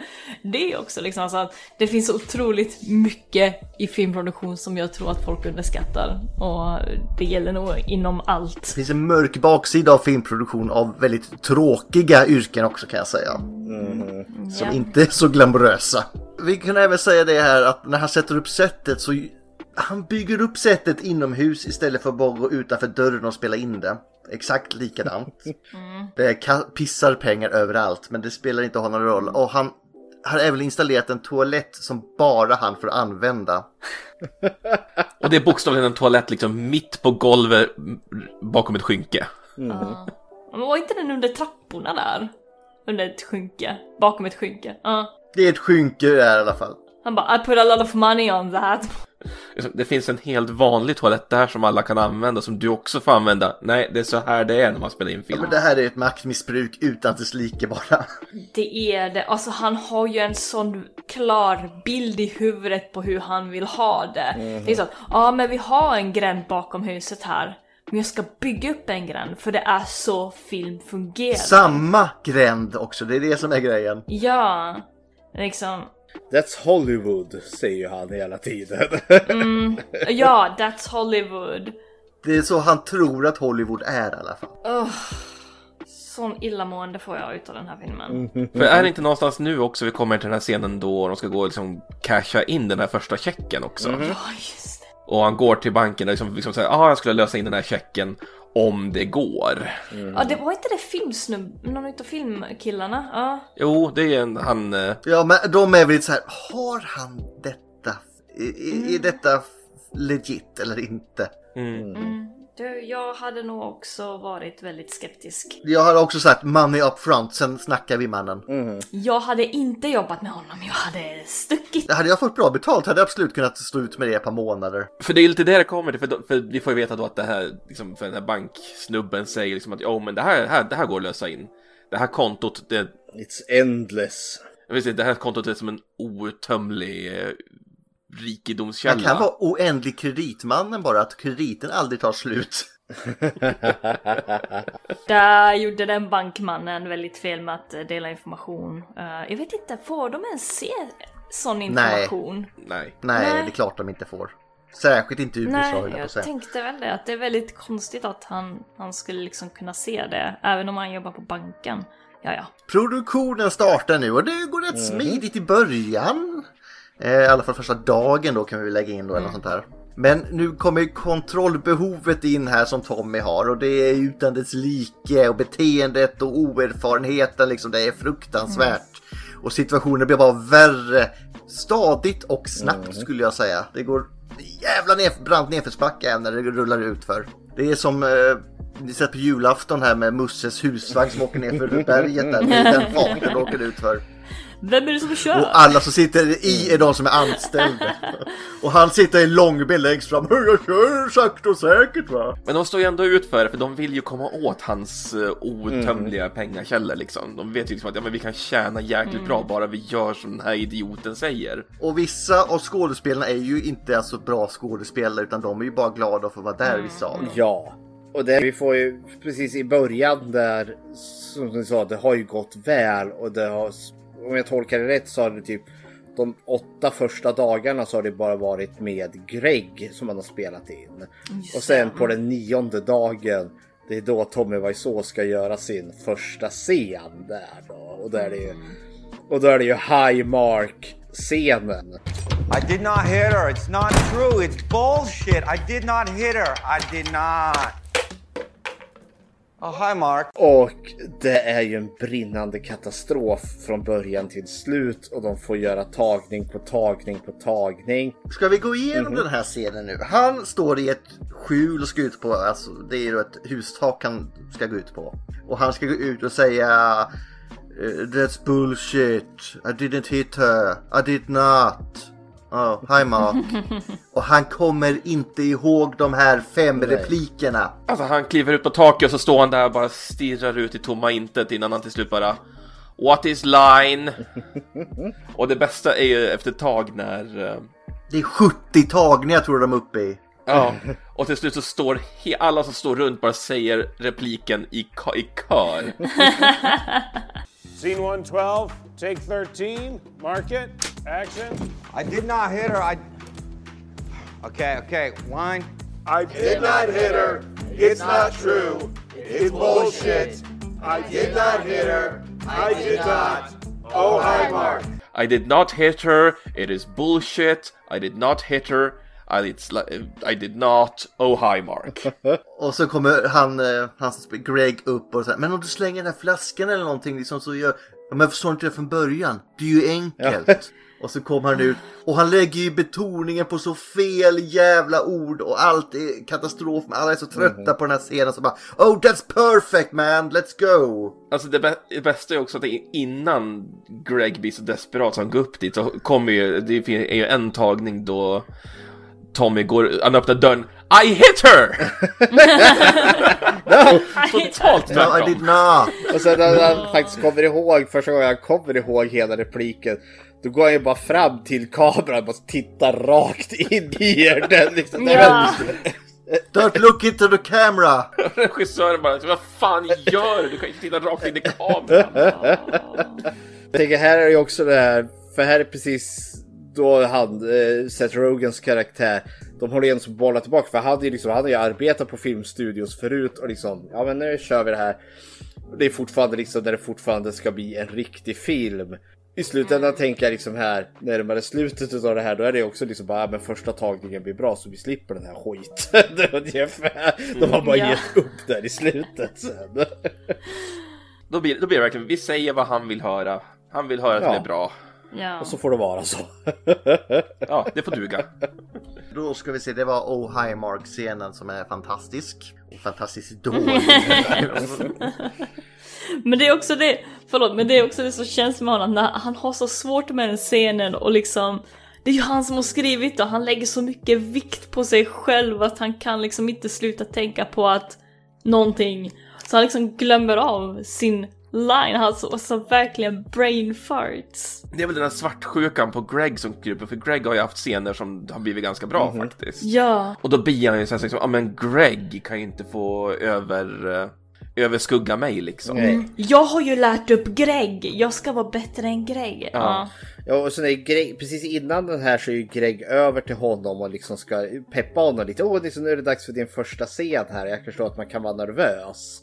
För han själv var det och Tom liksom bara nej, jag är inte nervös, jag är superbäst. och allt det där. Och så liksom första när han kliver ut, han kan inte komma ihåg något. Det blir ju bara cringeigt och jobbigt. Eh, Och det, ja, mm. Och det här är också börjar undra liksom, för den här, det är en biografisk komedi. Alltså själva genren.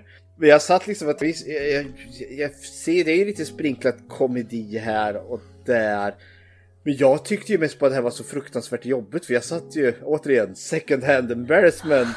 Bara skämdes något så fruktansvärt för Tommys vägnar där liksom. Nej, usch vad det här är hemskt. Nej, second hand embarrassment är underbart. ja, jo. Det är riktigt jobbigt. Ja visst är det det, men det är det som är bra. Det är lite som Always Sunny in Philadelphia. Det är så fruktansvärt jobbigt att se vissa scener men det är fantastiskt. Ja, Och det här som också är så märkligt, alltså jag stor konnässör utav skräckfilm. Alltså jag har inga problem att se folk styckas levandes med motorsåg så blodet står i fontänen. Där kan jag sitta och snaska popcorn till. Men när det blir så här när jag ser Tommy Wiseau i den här filmen som står och skämmer ut sig. Det är liksom åh nej, fram med kudden, jag dör. Ja. Åh, det var, det var så jobbigt. Alltså det är ju så många sådana scener också. Det är liksom, hur kan ni få plats med allt det här in i en film? Kommer ni på det här? För han glömmer sina repliker. Ja. Han kommer för sent. Han vägrar att eh, ge de här som han har anställt grundläggande behov som dricksvatten och luftkonditionering. Vi spared no expenses förutom då på sånt. nu går vi kanske lite händelserna i förväg för jag tänker att det börjar relativt bra ändå. Och sen som säger svartsjukan börjar komma in där och han gör sin och han är exceptionellt dålig. Men han har ju också, får vi reda på, anlitat ett till team, någon form av dokumentärteam som filmar själva processen. Ja. Det kommer vi snart in på Fredrik, Ja. var inte orolig. Ja men take it away. Men den, den har ju funnits där sedan början. Ja. Ja, men vi kommer in på vilken eh, omfattning det är snart här också. Det är så att ingen av skådespelarna har ju fått det fullständiga manuset. Nej. Och skådespelarna är liksom förbryllade över filmens orimliga, nu har jag gjort handling med kaninöron för jag vet inte om den här filmen egentligen har en jävla handling. Ja, alltså man hör ju folk prata om att vet du vad den här filmen handlar om? Och så börjar man liksom spekulera. Ja, men det är, det är något eh, extensionellt man, you Ja, know. liksom. De är nog bröder de två och så händer det stuff och så... Och de är lite förbryllade över eh, hur han regisserar Mm. och skådespelarval och allt vad det är. Och under nu förberedelserna för en sexscen. Oh my god. Åh, kan ju typ gå ut och sen komma in om fem minuter. Nej, nej, nej, nej, du ska vara med här Linda. Du kommer inte undan sexscenen. Men jag tänker in, innan sexscenen, innan sexscenen, för det rent tidsmässigt här, då, då har vi ju det här, det här andra kamerateamet. För han sitter ju och tittar på, på alltså det, det de har filmat. Och då har vi ju Seth Rogen där som det assistant director som pratar med, med sin kollega över hur otroligt jävla inkompetent Tommy Wiseau är. För jag tänker det är en skiftning som händer där då. För det är då liksom Tommy blir, han blir så enormt osäker. Men han blir också arg. Och Han sitter och tittar i timtal Mm. på de här jävla bakom kulisserna sketcherna eller videorna de har spelat in. Ja, och jag köper ju det för folk pratar ju otroligt negativt kring honom för att han är så jävla märklig. Men det gör också att han blir, han blir hatisk. Och det är ju det som liksom leder fram till den här sexscenen då han, liksom, han ska ha kontrollen. Och det, ja, mm, take it away. Okej, sexscenen. Här är det också så att vi har fått reda på precis innan att Greg då har berättat att han ska nu flytta ut ifrån Tommy och flytta ihop med sin flickvän Amber. Och då Jajamän. blir Tommy supersvart, sjuk, sotis. Och så varför det? Vadå? Vadå?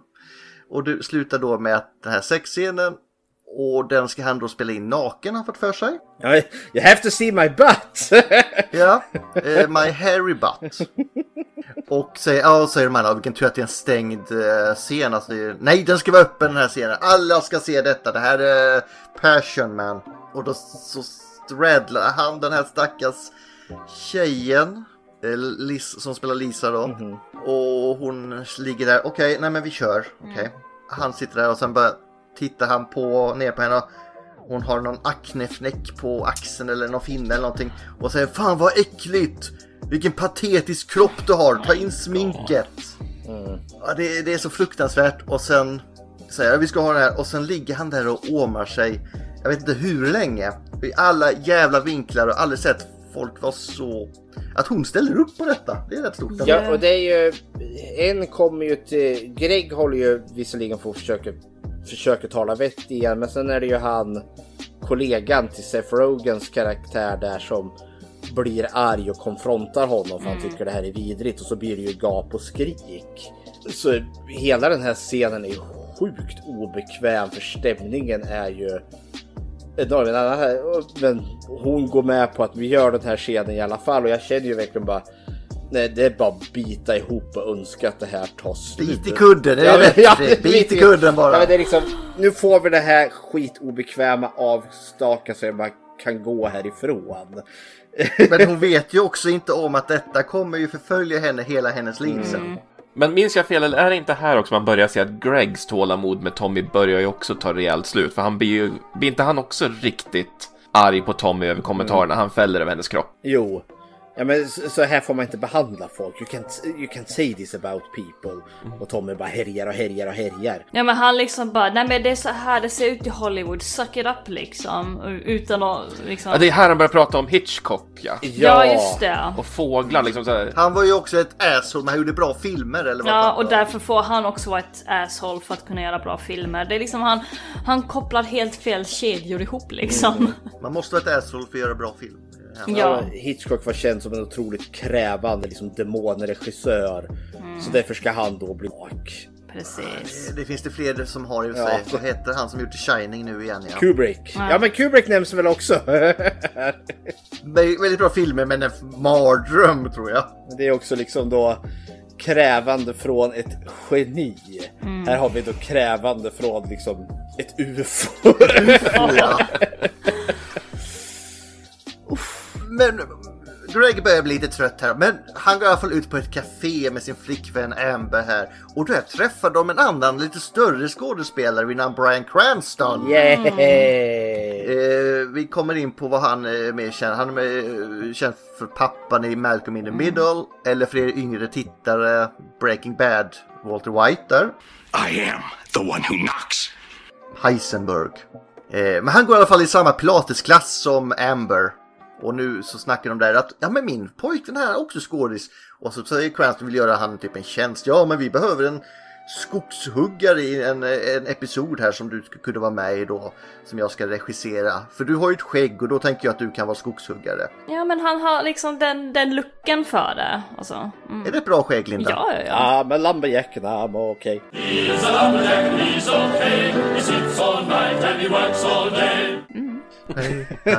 Ja men han har bra skägg och han har bra hår. Så liksom absolut en rutig skjorta på det där så. Ja. Så blir han eh, Dexter sen. Ja.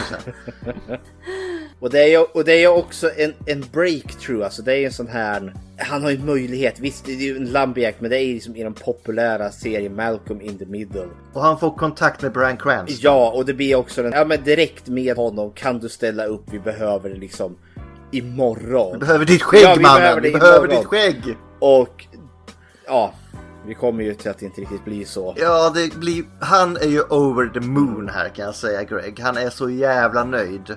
Och så säger men nu är det problemet att i Room så ska ju Mark snart raka av sitt skägg för det kräver rollen. Och då säger Greg till eh, Tommy, kan vi inte vänta lite, jag vill spela in det här. Nej, du är med i den här filmen. Greg, den här filmen nu. Du kan inte, vi ska spela in det här nu.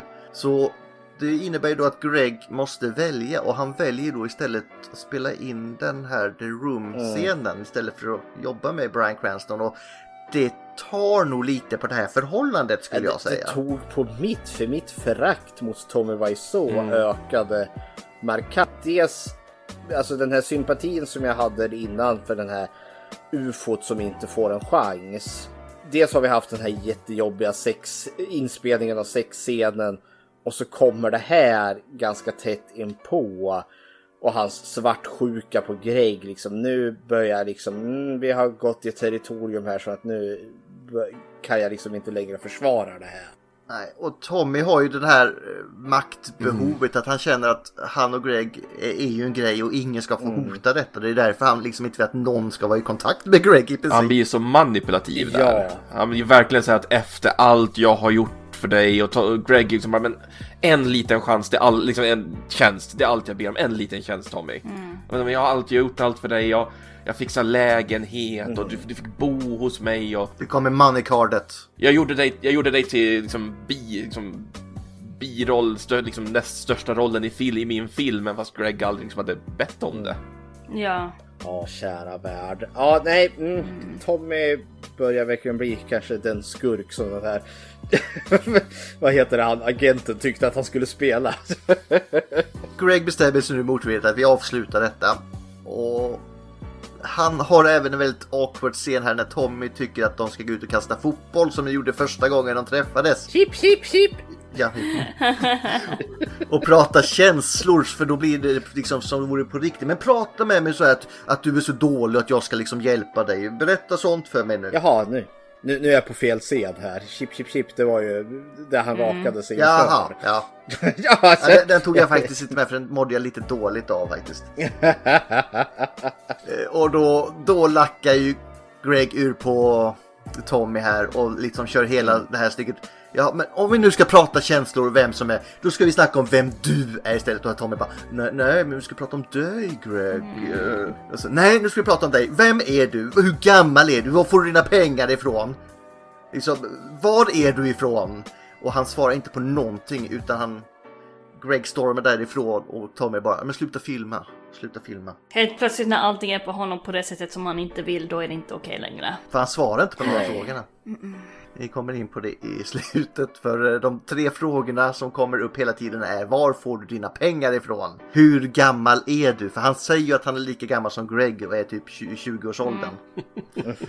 det är han ju garanterat inte. Ah, vad skulle vi gissa? Jag skulle säga att i, när The Rule spelas in så ser han ut att vara närmare 45-50 nästan. Jag skulle också gissa på någonting 40.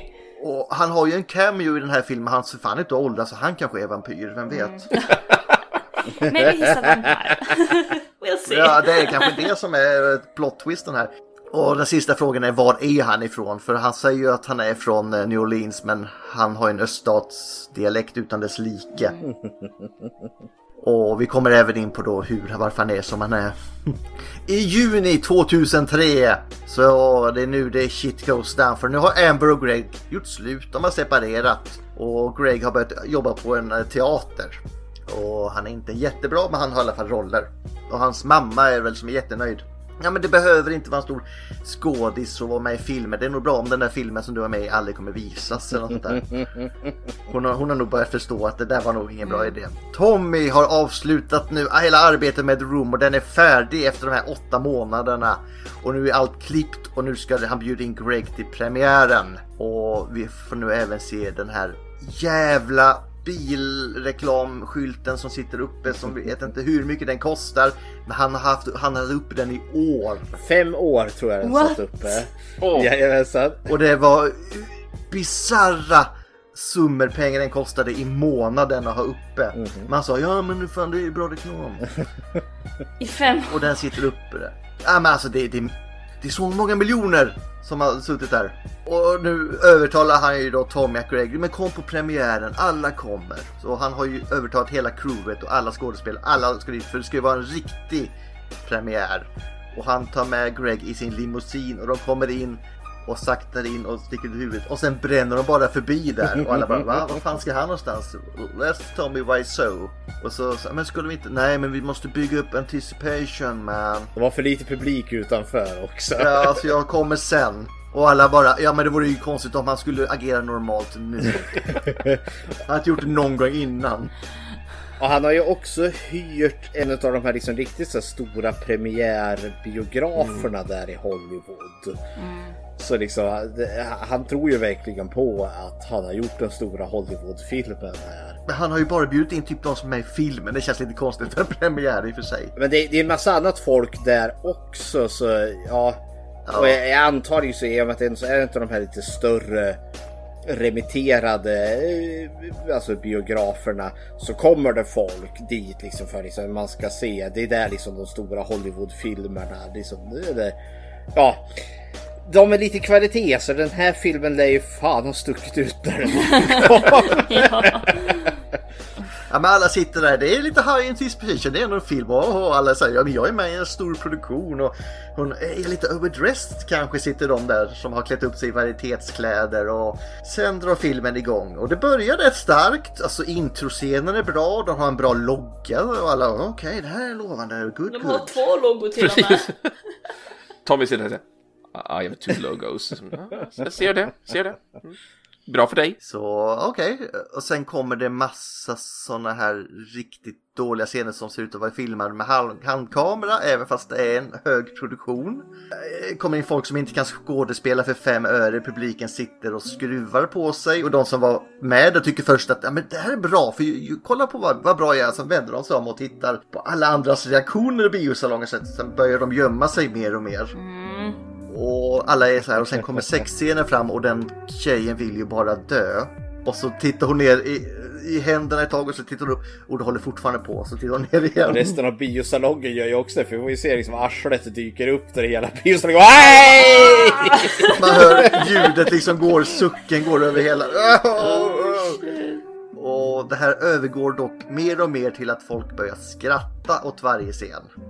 Och Tommy tar på sig solglasögon igen inne för han börjar ju gråta där kan man nästan se. Han tar väldigt illa vid sig att folk skrattar över hans verkar och han stormar ut när eh, alla hans dåliga scener spelas upp och han tycker ju det är bra men alla skrattar åt dem. Och då stormar Greg efter. Nej men du har ju skapat det här. Och lyssna, de har kul. Ja. De gillar det. Och så säger ja men du har rätt, det här är fantastiskt. Så går han tillbaka in och ska hålla talet och säga att det här var hela tiden min plan med det här projektet. Att det skulle vara en komisk film. Och att ni förstår mig. Ja, och där i slutet får vi även en liten cameo på den riktiga Tommy Wiseau som står utanför. Och den scenen är så jävla weird bara. Den, varför, är, varför är den med? De har ju verkligen lagt sida vid sida så man ser den nya versionen och den... Nej, alltså i slutet när den riktiga Tommy Wiseau står och ska bli inbjuden av någon och det är dialog som är skriven som jag vet inte vad. den... Ingen pratar på det där sättet. Den är framför mig från ur The Room den scenen. I'm not going anywhere with you. You think you have long hair, you own the world? That's the idea? I stop you. I stop you right there. What is this accent? It sounds familiar. You from New Orleans? Yeah, so what? What the Paris? Chalmette. I love New Orleans. You know where Chalmette? Yeah. Okay, cool. You want a drink or something? No, I'm not. I'm not thirsty either. I just want to stand here. What's your name? Hmm? Tommy, right? Yeah. My name Tommy with capital Go away. It's okay. Have a nice one. Okay? Okay.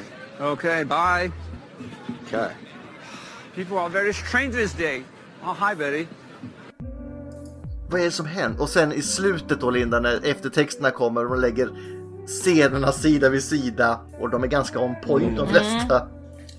Har ni något att säga om biobesöket här i slutet? Ja, alltså det är väl lite signumet för den här filmen. Eller vad- vad tog den här för...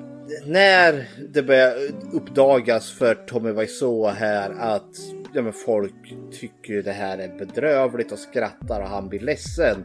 Jag förstår att filmen försöker liksom, att min sympati ska komma tillbaka till honom. Men den gör inte riktigt det.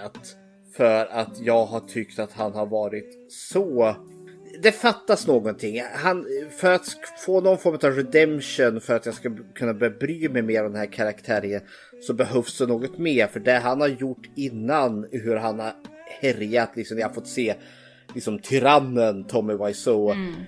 Det hjälper inte. Samtidigt finns det en del av mig där som tycker att det här, ja, han har ändå så gjort en film och det vart en stor grej. Men min sympati finns inte hos Tommy Wiseau när vi har nått finalen här. Och så vad de säger i bion där också, det är väl någon som Is it just me or is this kind of bad? Och den andra, oh, no it's bad, it's bad. Eh, Men det var ju där filmen och budskapet är ju såklart family. Salute mi familia. En väldigt sjuk variant av en family trots allt. En family bestående av endast Tommy Wiseau. Har ni något annat budskap ni vill lyfta Nej fram? men jag, alltså, jag kan ju inte låta bli att ta på mig liksom lärarrollen i det här och när jag ser Tommy Wiseau och liksom hur han framställs, alltså det här är den sortens människa man får om ett barn aldrig får lära sig ta ordet nej en enda gång i sitt liv. Ja, och det, det finns nog en nyckel i det, för det, vi kan återkoppla till de här, den här oändliga källan pengar han har. Den enda rimliga, jag hade någon liten tanke här, och han nämnde den här olyckan, att det skulle kunna finnas något kanske skadestånd. Men så stort kan det inte vara så att det är oändligt. Det är USA, det beror på vilket företag som har skadat honom. Det kan, är det McDonalds som har vält kaffe på honom så får han rätt mycket pengar. Jag tror ju snarare att det finns några väldigt rika föräldrar eller andra släktingar. Och med största sannolikhet är det ju hans föräldrar då som förser honom med pengar och sen vill ju han då bli den här Hollywoodstjärnan så då har ju han åkit till Amerika. Och sen bara förser de, för, bara förser de honom med pengar. De säger Östeuropa, jag tänker Sovjetunionens kollaps där de har snort massa oligarkepengar där. Fullt möjligt. Vi, vi, vi har ju ingen aning, han har en jävla massa pengar. Och sen som du säger om den här olyckan, har det gett honom någon huvudskada eller någonting? Det är det jag funderar på också. Liksom. Är det liksom kanske var en förklaring till varför han är så märklig som han är? Det finns en hjärnskada där någonstans. För ä, hur han agerar, alltså kroppsligt och hur han pratar sånt, det skulle kunna förklaras av det eller droger. Nej, jag tänkte bara, jag satt och läste på lite om Tommy Wiseau. Det har ju tydligen dykt upp en del information med, ja, tvivelaktiga källor under de senaste åren. Och det man tror är att han har sitt ursprung i Polen. Och sen flyttade han till Frankrike ett tag och försökte med typ samma sak där.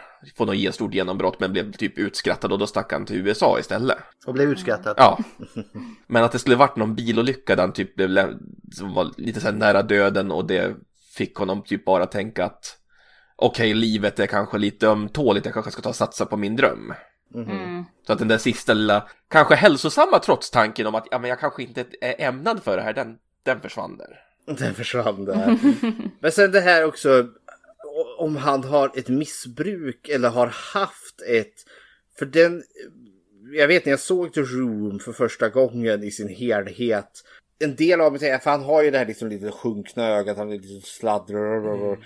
Så mm. man känner som att det, det är inte orimligt liksom en människa som har missbrukat under en lång tid. Men samtidigt har jag inte hört de historierna om den berusade Tommy Wiseau när han fular ut sig. Det borde finnas eh, bara mobilkameror liksom filmar när Tommy Wiseau springer omkring och beter sig. Men det är ju han väl hela tiden höll jag på att säga. Ja, nej, men, så jag vet inte om han är, har ett missbruk eller inte. Eh, jag, ja, ha- han är ett jävla enigma utan dess like. Som sagt, eh, women are from Venus, men are from Mars and Tommy Wiseau are from Uranus. Kan man Jag, jag, säga. tänker på den där, det som jag skrev till dig igår kväll Gustav, liksom Ja, small planet somewhere in the vicinity of Beetlejuice. Beetlejuice. Beetlejuice. Beetlejuice. It's showtime. ja. Nej, nej jag, jag har ju tagit en annan tolkning på det här. Vi har ju pratat Transformers nu, så jag får, är han en pretender? Han är ju alltså i ett Transformers skal, han liksom inte vet hur han ska agera. Och sen då, om vi pratar Nautilator, han har samma karaktär intressant nog. För Nautilator är även han värdelös på sitt jobb och skyller på alla andra. Det är inte mitt fel att jag är som jag är utan, och är dålig, utan det är ju ni som har satt mig här. Så han är kanske Nautilator i ett pretenderskal. Ja, alltså han, han försöker verkligen liksom fake it till you make it utan att liksom förstå alla andra och sånt där. Åh, jag, jag mår så dåligt utav den här filmen. Alltså jag, för jag liksom ser ju en snubbe som verkligen, verkligen vill men han har liksom inte förstått poängen med hur man är när man är, när man jobbar för någon. Alltså han säger ju bara att, han ser ju bara sig själv men han ser inte att han faktiskt ska utföra jobb åt någon annan. Det handlar inte om honom. Men jag tänker till, tillbaka till, helt, helt inte det som jag sa tidigare med att ett, det är någon som aldrig har fått höra ordet nej för att vi har ju också den här scenen då när Gregs karaktär berättar någonting ganska tragiskt och hemskt. Och Och Tommy bara säger ahahaha, what a funny story Mark och alla säger att men det här är ingenting man skrattar åt. Mm. Så reagerar inte med, man skrattar inte när man får höra det här och de tar omtag. Han, han fortsätter skratta, han kan, han kan inte ta kritiken. Men han, det, där, det där är inget normalt skratt han gör heller. Ingen skrattar på det sättet. Ja, men och också precis som du är inne där på Dennis, just att när han får de här förslagen, liksom gör så här, han gör ingenting, han bara fortsätter med sitt. Ja. Det, det, det gör ju honom också väldigt egenkär, eller om han helt enkelt är så, en del av honom är så pass narcissist att det går bara inte. Han kan inte tänka på något annat sätt än så som han har tänkt det, för så måste det bli. Och det är väl där hans otäcka sida dyker upp då när, liksom när saker och ting börjar gå emot och det är då han blir den här, ja, tristare människan mitt i alltihopa. Men- Om han, kan han vara, om vi ska ta ett skräcktema på detta då till, eh, Fredrik. Eh, Getmannen eller någon annan changeling som försöker härma hur människor agerar och inte riktigt kan nå ända fram. The Mothman. Ja, men något sånt liksom att ja, men så här fungerar människor. Nej, det gör de inte. Ska, ska jag villigt erkänna så eh, den här jag får lite tankar till den här Jim Carrey-filmen The Cable Guy. Oh, det. ja, det Jim Carrey också spelar, det är också en sån väldigt märklig komedi där Jim Carrey spelar en ganska, den här tv-reparatören som får, blir besatt utav en annan man där för att de har en vänskapsrelation. Men det blir liksom en parasocial och liksom Jim Carrey är liksom slut i huvudet. Jag känner att det finns vissa liknelser här också. Tommy Wiseau funkar inte riktigt som alla andra människor och när det väl... Nej, det gör inte Jim Carrey heller. Nej, men det är lite den här ge han, ge han fingret och så tar han hela handen. Men ska vi ta, jag kan inleda då med bäst och sämst scen. Sämst scen, alltså jag tycker alla är on point. Jag har ingen direkt sämst scen i filmen faktiskt. Men bästa scenen är ju inspelningen av Oh High Mark. När han kommer, alltså det, den är så jobbig att se men den är ändå så fantastiskt underhållande. Alltså den är otroligt bra. Nu har jag fått ta, för jag visste att någon annan kanske tar den annars. Och Linda, du har suttit och lidit nu här, så vad säger du? Åh, favorit, bäst och sämst. Shit, alltså det är så svårt för det. Det, det är ju så mycket jag inte tycker om för jag får den här verkligen, jag vill bara kliva ut ur skinnet i allting som är så pinsamt. Men jag kan ju inte heller säga att jag hatar det. Alltså det går ju inte. Liksom, jag, jag hatar filmen men samtidigt gör jag inte det.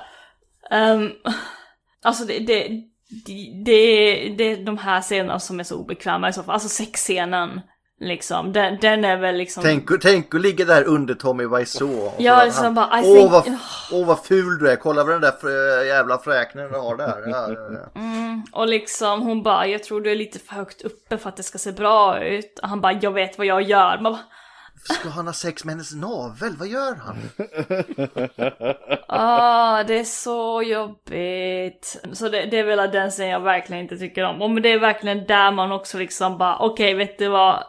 Fuck you dude. Liksom, jag tänker inte tycka synd om dig längre. Liksom, det var svårt redan då att tycka om honom och här var det liksom verkligen droppen att liksom, nej. Favoritscen, det är svårt också, men det var en scen som jag också tyckte var så jäkla weird. Det är den här på slutet, när alla tittar på filmen. Och man liksom ser på skärmen då när han ska liksom eh, skjuta sig själv i munnen då och alla bara Do it! Do it! Och man liksom bara, nej, nej, nej, nej, nej, nej. Alltså jag har inte sett filmen så jag vet ju inte vad jag känner egentligen men jag bara tycker att det är så fel att skrika do it till någon som mår så dåligt och ska ta självmord. Det känns så fel. Ja, men hela uppbyggnaden till den do it grejen där när han går och vräker runt i Ja. hela lägenheten på så fruktansvärt dåligt sätt. Åh, det är så bra. Det, det var verkligen så här, den scenen fastnade för mig. Jag vet inte om det är min favorit men den fastnade för mig. Vad fastnade för dig då, Dennis? Alltså nu har du tagit, jag tänkte ju också på den här uh, Oh High Mark-scenen. Det var därför jag högg det Ja. snabbt. Men jag tycker ju också då när de spelar in självmordsscenen där. Mm. Det är också att han håller på och river runt och de andra som bara, "Ha, håller på så tar han den här pistoletrappen och avlossar den i munnen. Och sen fortsätter han liksom riva runt igen. Och de bara, så, men du, du, du ska inte fortsätta våndas innan du har skjutit dig. Nej, nej, jag gör så här för jag gör det så här, jag gör det så här, det är på film. Human emotion man. Och de andra liksom, ja, ja, ja. Så det är också, då. den är också riktigt bra. Och det visar liksom Mm. hur twisted han är. Eh, Sämst, den som jag tycker är sämst, ja, förutom sexscenen, men den är inte för sig själv. Mm. Så den kan jag inte ta. Alltså den är nästan lika dålig som sexscenen i eh, Velocipaster. Åh, just det! Oh. Ah. Men jag tror nog att eh, alltså det, är ju- det är ju en bra scen där de är på restaurangen med, med han regissören där. Men det är också, man blir ju så obekväm. Mm. För att man, man gör ju verkligen, man går inte fram till liksom någon som sitter och försöker ha middag med någon bekant och så typ sabbar hela deras kväll. Men han försöker ändå vara snäll mot också. Tycker du verkligen att det här är en bra idé? Gå, gå den här vägen istället och så vidare. Du kommer... Han, han försöker ju verkligen, Putting down the easy eller vad man säger. ja liksom så minimera risken att det blir en pun not intended scen på restaurangen. Ja, Ja, alltså det, det är verkligen en jobbig scen att titta på. Jag tycker inte om... Alltså, åh, det är ju det, han fattar ju inte. Nej men det är väl Tommy Wiseau. det är väl det man... Han fattar inte. Ja, men det är, som, det är som de säger i slutet, det vore konstigt om man gjorde någonting normalt nu. Ja. Men jag förstår skådespelaren i det här läget. Alltså det kan ju inte vara lätt att spela med den här dialekten och allting. Vad säger du Fredrik? Nej men eh, jag håller med. Den bästa scenen tyckte jag var verkligen Oh Hi Mark. För det är verkligen, det, det, det är då liksom vi börjar se the beginning of the end. Sämst scen, alltså det är ju mycket i den här filmen som gör mig obekväm. Som sexscenen där framför allt. Men den är inte dålig för den välspelad. Så scenen är ju till för att göra mig obekväm. Vi ska verkligen se den otrevliga Vaiså där. Men det, jag kommer kanske mer ta ett litet koncept här då som dåligt. Oj! Oj. Och det är egentligen karaktären Greg. Hans relation till Tommy Wiseau där. Alltså Greg känns nästan märkligt infantil många gånger. Verkligen liksom superapologetisk och liksom bara liksom håller den här Tommy Wiseau under vingarna så att säga. Liksom bara lyfter upp han tills och med att liksom deras schism kommer. Det känns märkligt att han är så pass mycket på Tommy Wiseaus sida under så pass länge. För det, det ger en märklig bild till hans stackars Greg. Men jag tror han, han blev fascinerad av Tommy när han, alltså när Greg var 19 eller sånt där. Och då kan jag ändå köpa att liksom, det, det bygger upp ett luftslott och det kan ta en stund att punktera ett sånt. Ja, nej, för just boken där, The Disaster Artist, då är det ju väldigt mycket mer att, ja men Greg, han träffar honom som ganska ung. Men sen är det verkligen pengarna Tommy Wiseau har. Som är i stort sett den enda anledningen till varför han håller ut. Alltså en anledning att han gick med The Room var att, ja men, en kämpande skådespelare här som hade jättelite jobb. Och så kommer Tommy Wiseau och är så märklig. Så vill du vara med i min film? Jag betalar det här. Och det är liksom en herrejösses summa pengar.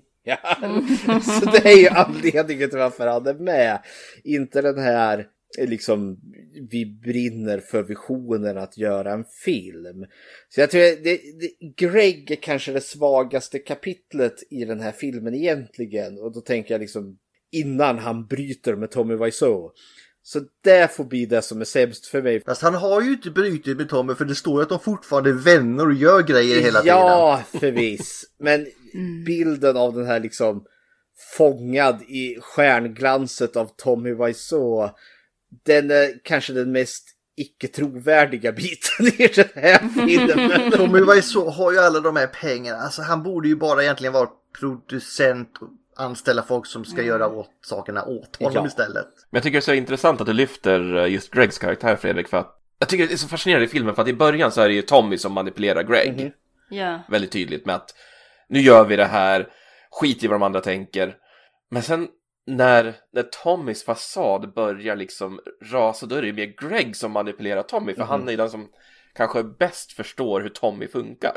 Så liksom det bara skär sig mellan de andra i teamet, då kommer ju Greg och jag, jag, jag fixar det här och så börjar han säga det precis det som Tommy vill höra.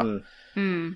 För att liksom lugna ner honom och få honom på, liksom, lite medgörlig igen. Mm. Jag tycker det är så fascinerande. Men tar det också oss in på favoritkaraktär då Dennis? Är Greg din favoritkaraktär i den här filmen? Nej, min favoritkaraktär är Nautilator för han är den enda som inte får mig vilja krypa under en kudde. Men, men, men be careful, he's shy. Ja. Okej, not letter. Och Linda, är det Vem har du? Jag har ju ingen favoritkaraktär i det här. Alltså det går ju inte att ha det. Eller så är alla det. Alltså, vad heter han? Greg? Han är eh, blondyn.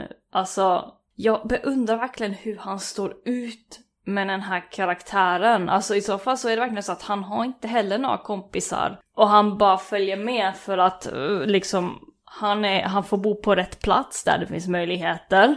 Och den här snubben har pengar och de ska ge en film. Så liksom han, han är motiverad utav, ja, det som han känner att han behöver. Så, men liksom han, han står ju ut så jävla mycket med den här personen. Så I guess liksom han, han är nog min favoritkaraktär ändå. Men jag tror också att han är en people pleaser väldigt mycket.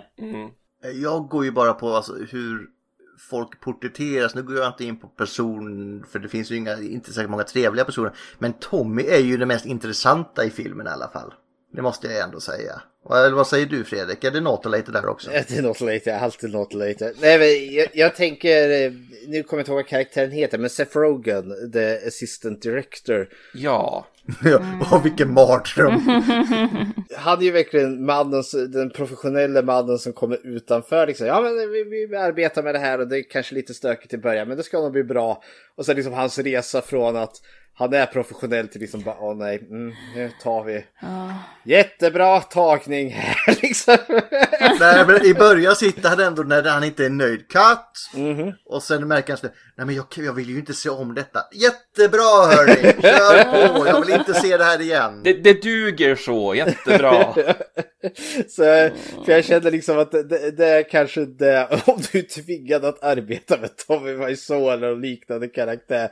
Det är ungefär den resan man gör. Liksom. Vi börjar liksom, ja men vi försöker med det här och sen blir det bara minsta maximala fuck.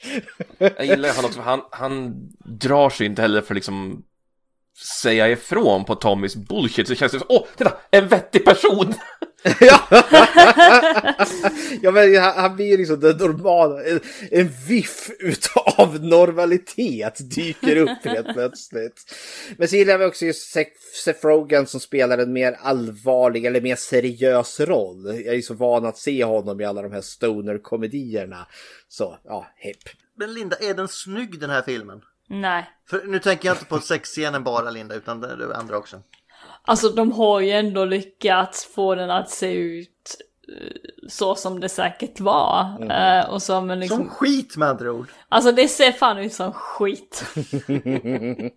Men de har ändå lyckats fånga det som behövs. Alltså det, kan man säga att den här filmen är snygg? Vår room snygg? Alltså jag, jag Nej.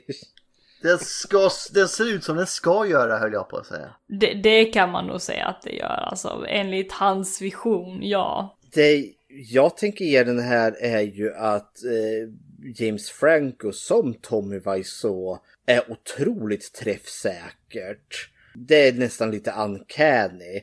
Sen däremot brorsan Franco som Greg är inte riktigt lika träffsäker ändå.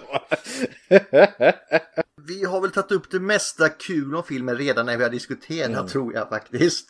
Men däremot Linda, vad säger Google om den? Vad säger Google? Kan inte du ta det? Ska jag ta det? Okej. Alltså jag tror att du kommer stå riktigt dåliga saker men okej. Okej, jag kan ta det här snabbt då. What is Disaster Artist based on? Åh, Eh, The Room. pass. Tommy Wiseau. Inspelningen om The Room. Eller ja, nej, exakt eh, är det ju. Det är ju faktiskt boken som kom innan The Disaster Artist. Jaha, du tänker så. Ja. Ja. Ja. och nu tänkte jag ju med alltså, antagligen vad boken handlar Ja, om. okej. Eh, how did they make the disaster artist? Det är de spelade in den. Why did they make disaster artist? För att James Franco hade ett fantastisk förkärlek för The Room. Och kände att han ville filma den här för att han har ett produktionsbolag och pengar. Money makes the world go around, it makes the world go round. Han gjorde en Tommy Wiseau helt enkelt. Han hade pengar och ville göra en film. Åh, jobbigt. Och så visste han ju säkert att eh, fler tycker att men, To- Tommy Wiseau är ju ett jäkla enigma så folk kommer ju betala för att se det här. Ja, What does disaster artist mean in film industry? wow. Ja, egentligen, det- den är ju kul på det sättet att ja, du kan ju bevisligen göra en film utan att ha någon som helst jävla kunskap om. Så på så sätt är den lite rolig att det kan vara framgångssaga på det sättet. Du behöver inte vara Hollywood-stor. Jag tror, eh, jag tror de menar vad är en disaster artist för någonting? Ja, det är Tommy Wiseau. Ja. Alltså jag, jag har en fråga. Alltså, är den här filmen en dokumentär? Ja, men det, det, det är en biografifilm Ja, egentligen. det är- Om filminspelningen utav The Room. Mm. Men som också då, är- den är ju lite friserad. Den är ju liksom inte autentisk Såklart. på det sättet. Mm. Men ja. Den är som The Dirt eller vad det heter i uh, Mötley Crües. Ja, men vi går vidare. Det var väldigt tråkiga frågor nämligen. Men vi kan ju även säga att den har, vad har den för betyg på IMDB? Den har 7,3. och det är ju inte så här så av sin egen kvalitet. Eller ja, på grund av sin dåliga kvalitet. I regel får de ju höga betyg för att det är bra filmer. Men den här är bland de få som får höga betyg för att det är en dålig film. Men underhållande. Jag tycker, vi, vi kommer in på vad vi tycker sen. Men den, gillar du den här filmen där så säger de att du ska se till Room. Big Shock. Swiss Army Man som är en fantastisk film. Pineapple Express. Eller eh, Black Clansman. Oh, det var spridda skurar. Uh, då ska vi se vad Rotten Tomatoes säger. Den har en rating på... Den är alltid en hemsk sida att gå in på för det laggar. Oj!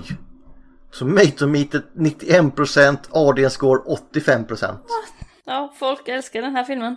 Tydligen. Ja, och där är allt lite mer intressanta filmer vad man rekommenderar. Rust and Bone, Pride, 99 Homes, Beautiful Boy eller No. Då ska vi se, då börjar det bli dags att döma den här filmen vad vi själva tycker. Eh, Linda, förklarar du Star Wars-skalan för Dennis? Mm, nej. Vi har en Star Wars-skala Dennis. Okej. Du har sett alla Star Wars-filmerna i Skywalker-sagan. Tyvärr.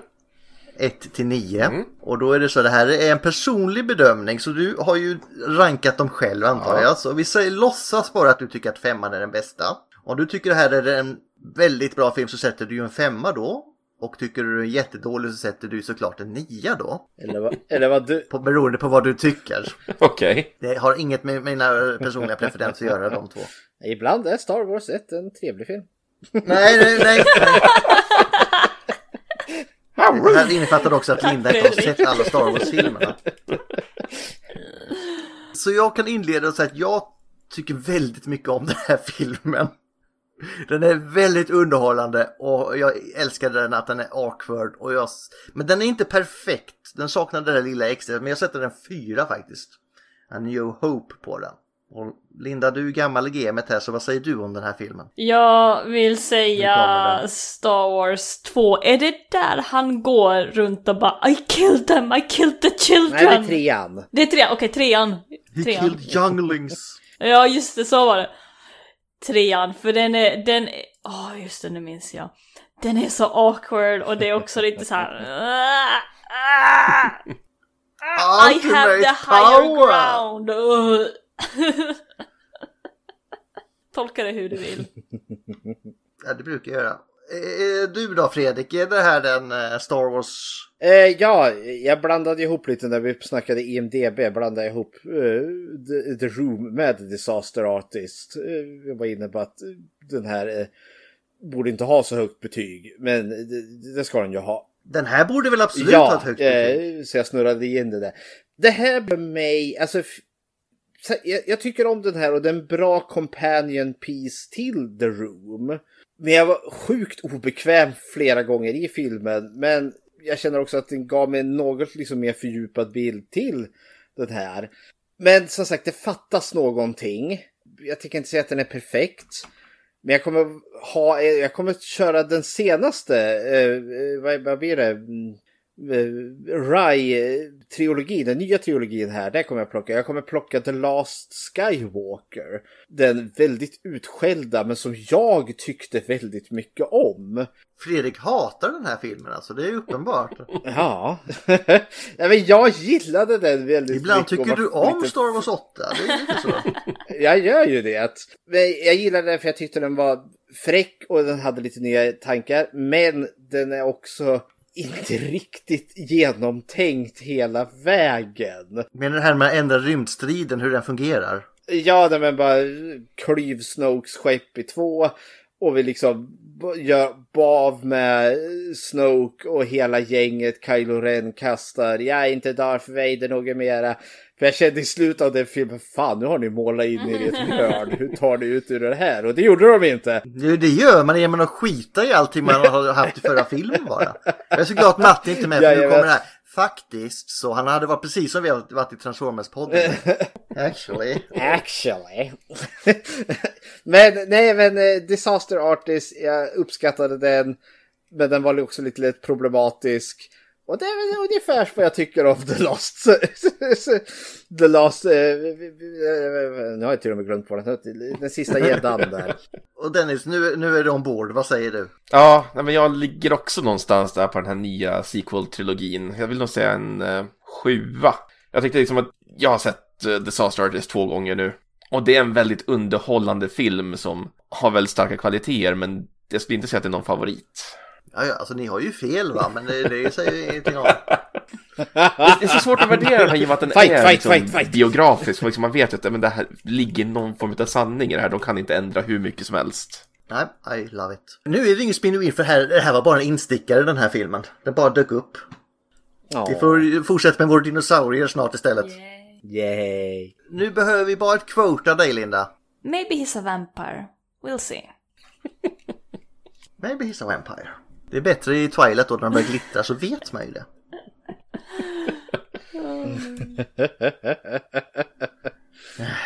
Ja, nej men tack så mycket för idag hörni. Tack för att du var med Dennis och eh, såklart Kardinal Fredrik. Tack, tack för filmen. Tack för att jag fick vara med. Thank you, thank you. Det var... Och du också Linda, tack så Ja, mycket jag för att du vet, jag vet, jag vet. Nej, den här var jobbig film att kolla igenom. Fy fan, jag är glad att det är över. Mm, ja. Jag kommer drömma mardrömmar om eh, Tommy Wiseaus rumpa i månader. Ja. It's coming right It's at coming me. right at me. Åh, Hej! då. Hej då! Bye. Hey, bye.